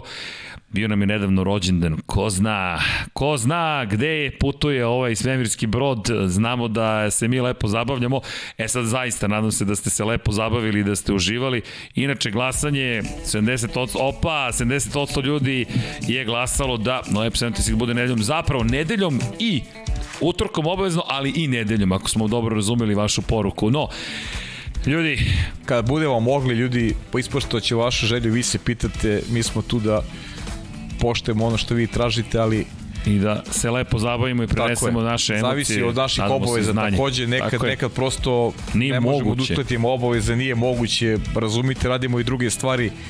Srđan Verujem pa pazi da ovako, Srđan trebao da radi NFL u stvari tako večeras. Je, da sada nije tu bila trka, ja bih bio u NFL-u. Sigurno je bio u NFL-u, tako da, eto, i druge obaveze diktiraju naš ritam, ali ćemo se truditi da ispuštamo ono što vi želite, jer vi se pitate. Ponedeljak ujutro, znaš, kada se dođe na posao, onda upalite Christian Lab 76 Ne, šta radiš? Pa ujutru Šefe, radi, šta radiš? Ujutru, ne, nešto ujutru, radim. Ujutru nije Ne, ne, ne, ovo je pravo vreme za noćnu zabavu, ali polako Dom Pablo. Vratit ćemo se na muziku, samo moramo da se lepo pozdravimo sa svima. Tako je. Dragi naši, nadamo se da ste uživali. Mi vam želimo lepu i mirnu i laku i divnu jednu romantičnu noć. Sanjajte nešto lepo, sanjajte neke trke uzbudljive, zabavu i naravno kako sezona se i dalje i kako sezona i dalje traje i potpuno je sve neizvesno sanjite svakako nešto lepo i zabavno. Mi ćemo se potruditi takođe da to učinimo, još samo snove da priključimo nekako na YouTube, ali ko zna možda, ne, ne, ne želim to. Dakle, neka ostanemo na, na ovom realnom svetu, ne mora baš sve da se otkriva, ali Mazite se i pazite se i vodite računa jedni od drugima, vozite računa jedni od drugima, zaista vodite računa. Potrebno da budemo humani, da budemo nežni. Zašto? Zato što je to lepo. Lepša je planeta tako, budimo ljudi, to je i cela poenta cele ove priče. A naravno kada je reč o mesecu novembru, Brković će doći negde 15. novembra, otprilike Brk će se pojaviti, osjećam se kao tineđer, makar iz te perspektive. Da. Pa ja već Sirano de Bergerac fazon gura Dobro ti stoji. Pa, mislim, znaš, mora malo sad da se ovaj Sad ne, puštam, ajde. Ne, ne, pa nemoj, sad je novembar, sad je vreme da podsjećamo ljude. Proverite se, momci, dakle, mesec je u kojem se podiže svest o raku ovoga puta testisa, zašto i to što izgovorimo bolest neku ili spomenemo ili pričamo o njoj ne znači da će se desiti e, a imam, nekome. E, ljudi, imam primer zaista kad je to, imam drugara koji je upravo to preživeo i hvala Bogu sada je dobro, nikakve matine naznake nije imao da, da postoji neko oboljenje, ali se javio na vreme i evo ga dobar je sada, vratio se svojim obavezama, tako da zaista treba se provjeravati. Uh, upravo ovoj govorim, saznao sam bukvalno pre 10 dana, eto. Dakle, ali, ali bukvalno pre 10 dana sam Kontrola ne košta ništa, odete, ništa, se, bukvalno. odete, proverite se, isto važi za devojke, rak dojke, vrlo ozbiljna jedna bolest, ali može se izlečiti ukoliko se na vreme otkrije. Takođe, depresija, bilo je priča o depresiji 99 jardi, ljudi, to su ozbiljne stvari. Svi živimo pod nekim ogromnim pritiscima, stalno su neka ogromna iščekivanja, očekivanja, da li si ovo, da li si ovo, da li si izvršio zadatak, da li si ovo, pustite se Opustite se, budite se dobri reši, prema sve sebi. Se reši tako kad, je. Se, kad se javi na vreme. Tako je i generalno budemo malo nežniji i može da bude mnogo lepše. Mi iz naše perspektive bit ćemo to, nadamo se da ćemo zabaviti, da će vam biti lepo sa nama, da ćemo nastaviti lepo da se družimo kada je reč u ovom slučaju o Formula 1, naravno i u Moto Grand Prix-u, u 99 yardi u NFL-u stiženo i Kosmos uskoro će biti nekih lansiranja, nekih lepih priča o nauci i nadamo se da će vas to takođe zainteresovati ili zabaviti, učiniti vam možda dan malo lepšim, podelite radost sa drugima, 917 pošaljite na 3030 ili 1077 na 3030, Human 455 je, ne, Human 917, Human 1077, telefon je 455 u Švajcarskoj, ukoliko možete, eto, podržite u ovom slučaju Boška i Vanju, potrebna im je prosto podrška. Naše malo, svi zajedno, mnogo je za, za te dragi, te dragu decu, te dragi mlade ljude, da im život nekako bude lepši, da im bude, naravno, hajde da kažem, kreativniji, da mogu da se izraze u potpunosti i to su one male stvari koje možemo da uradimo. Male stvari, udrite like, udrite subscribe, nemoj da se nam subscribe ako ste subscribe-ovani, samo udrite like i evo, podelite video ukoliko ste subscribe-ovani, upoznajte još nekoga sa Lab 76. Naš shop je takođe tu, tu su majice, Dekijeva knjiga je takođe u shopu, Brazil specijal, originalna majica, Kosmos, ma, i kišobrane ćemo da pravimo i šta ste rekli, zastave, peškire, peškire za sledeće leto. Peškire. Pa kad se pojaviš na plaži i kažeš Lab 76 i cela plaža Idemo, a mi nećemo na plažu. U stvari, beach special. I jao, sledeće godine, pa negde sa nekog mora. Moramo se vedemo u red, da. pa možemo u majicama i dalje da sedimo i tamo. Pa biće, u, ovoj situaciji moramo. Ali svako da ne utičemo, zaista... da utičemo loše na djecu.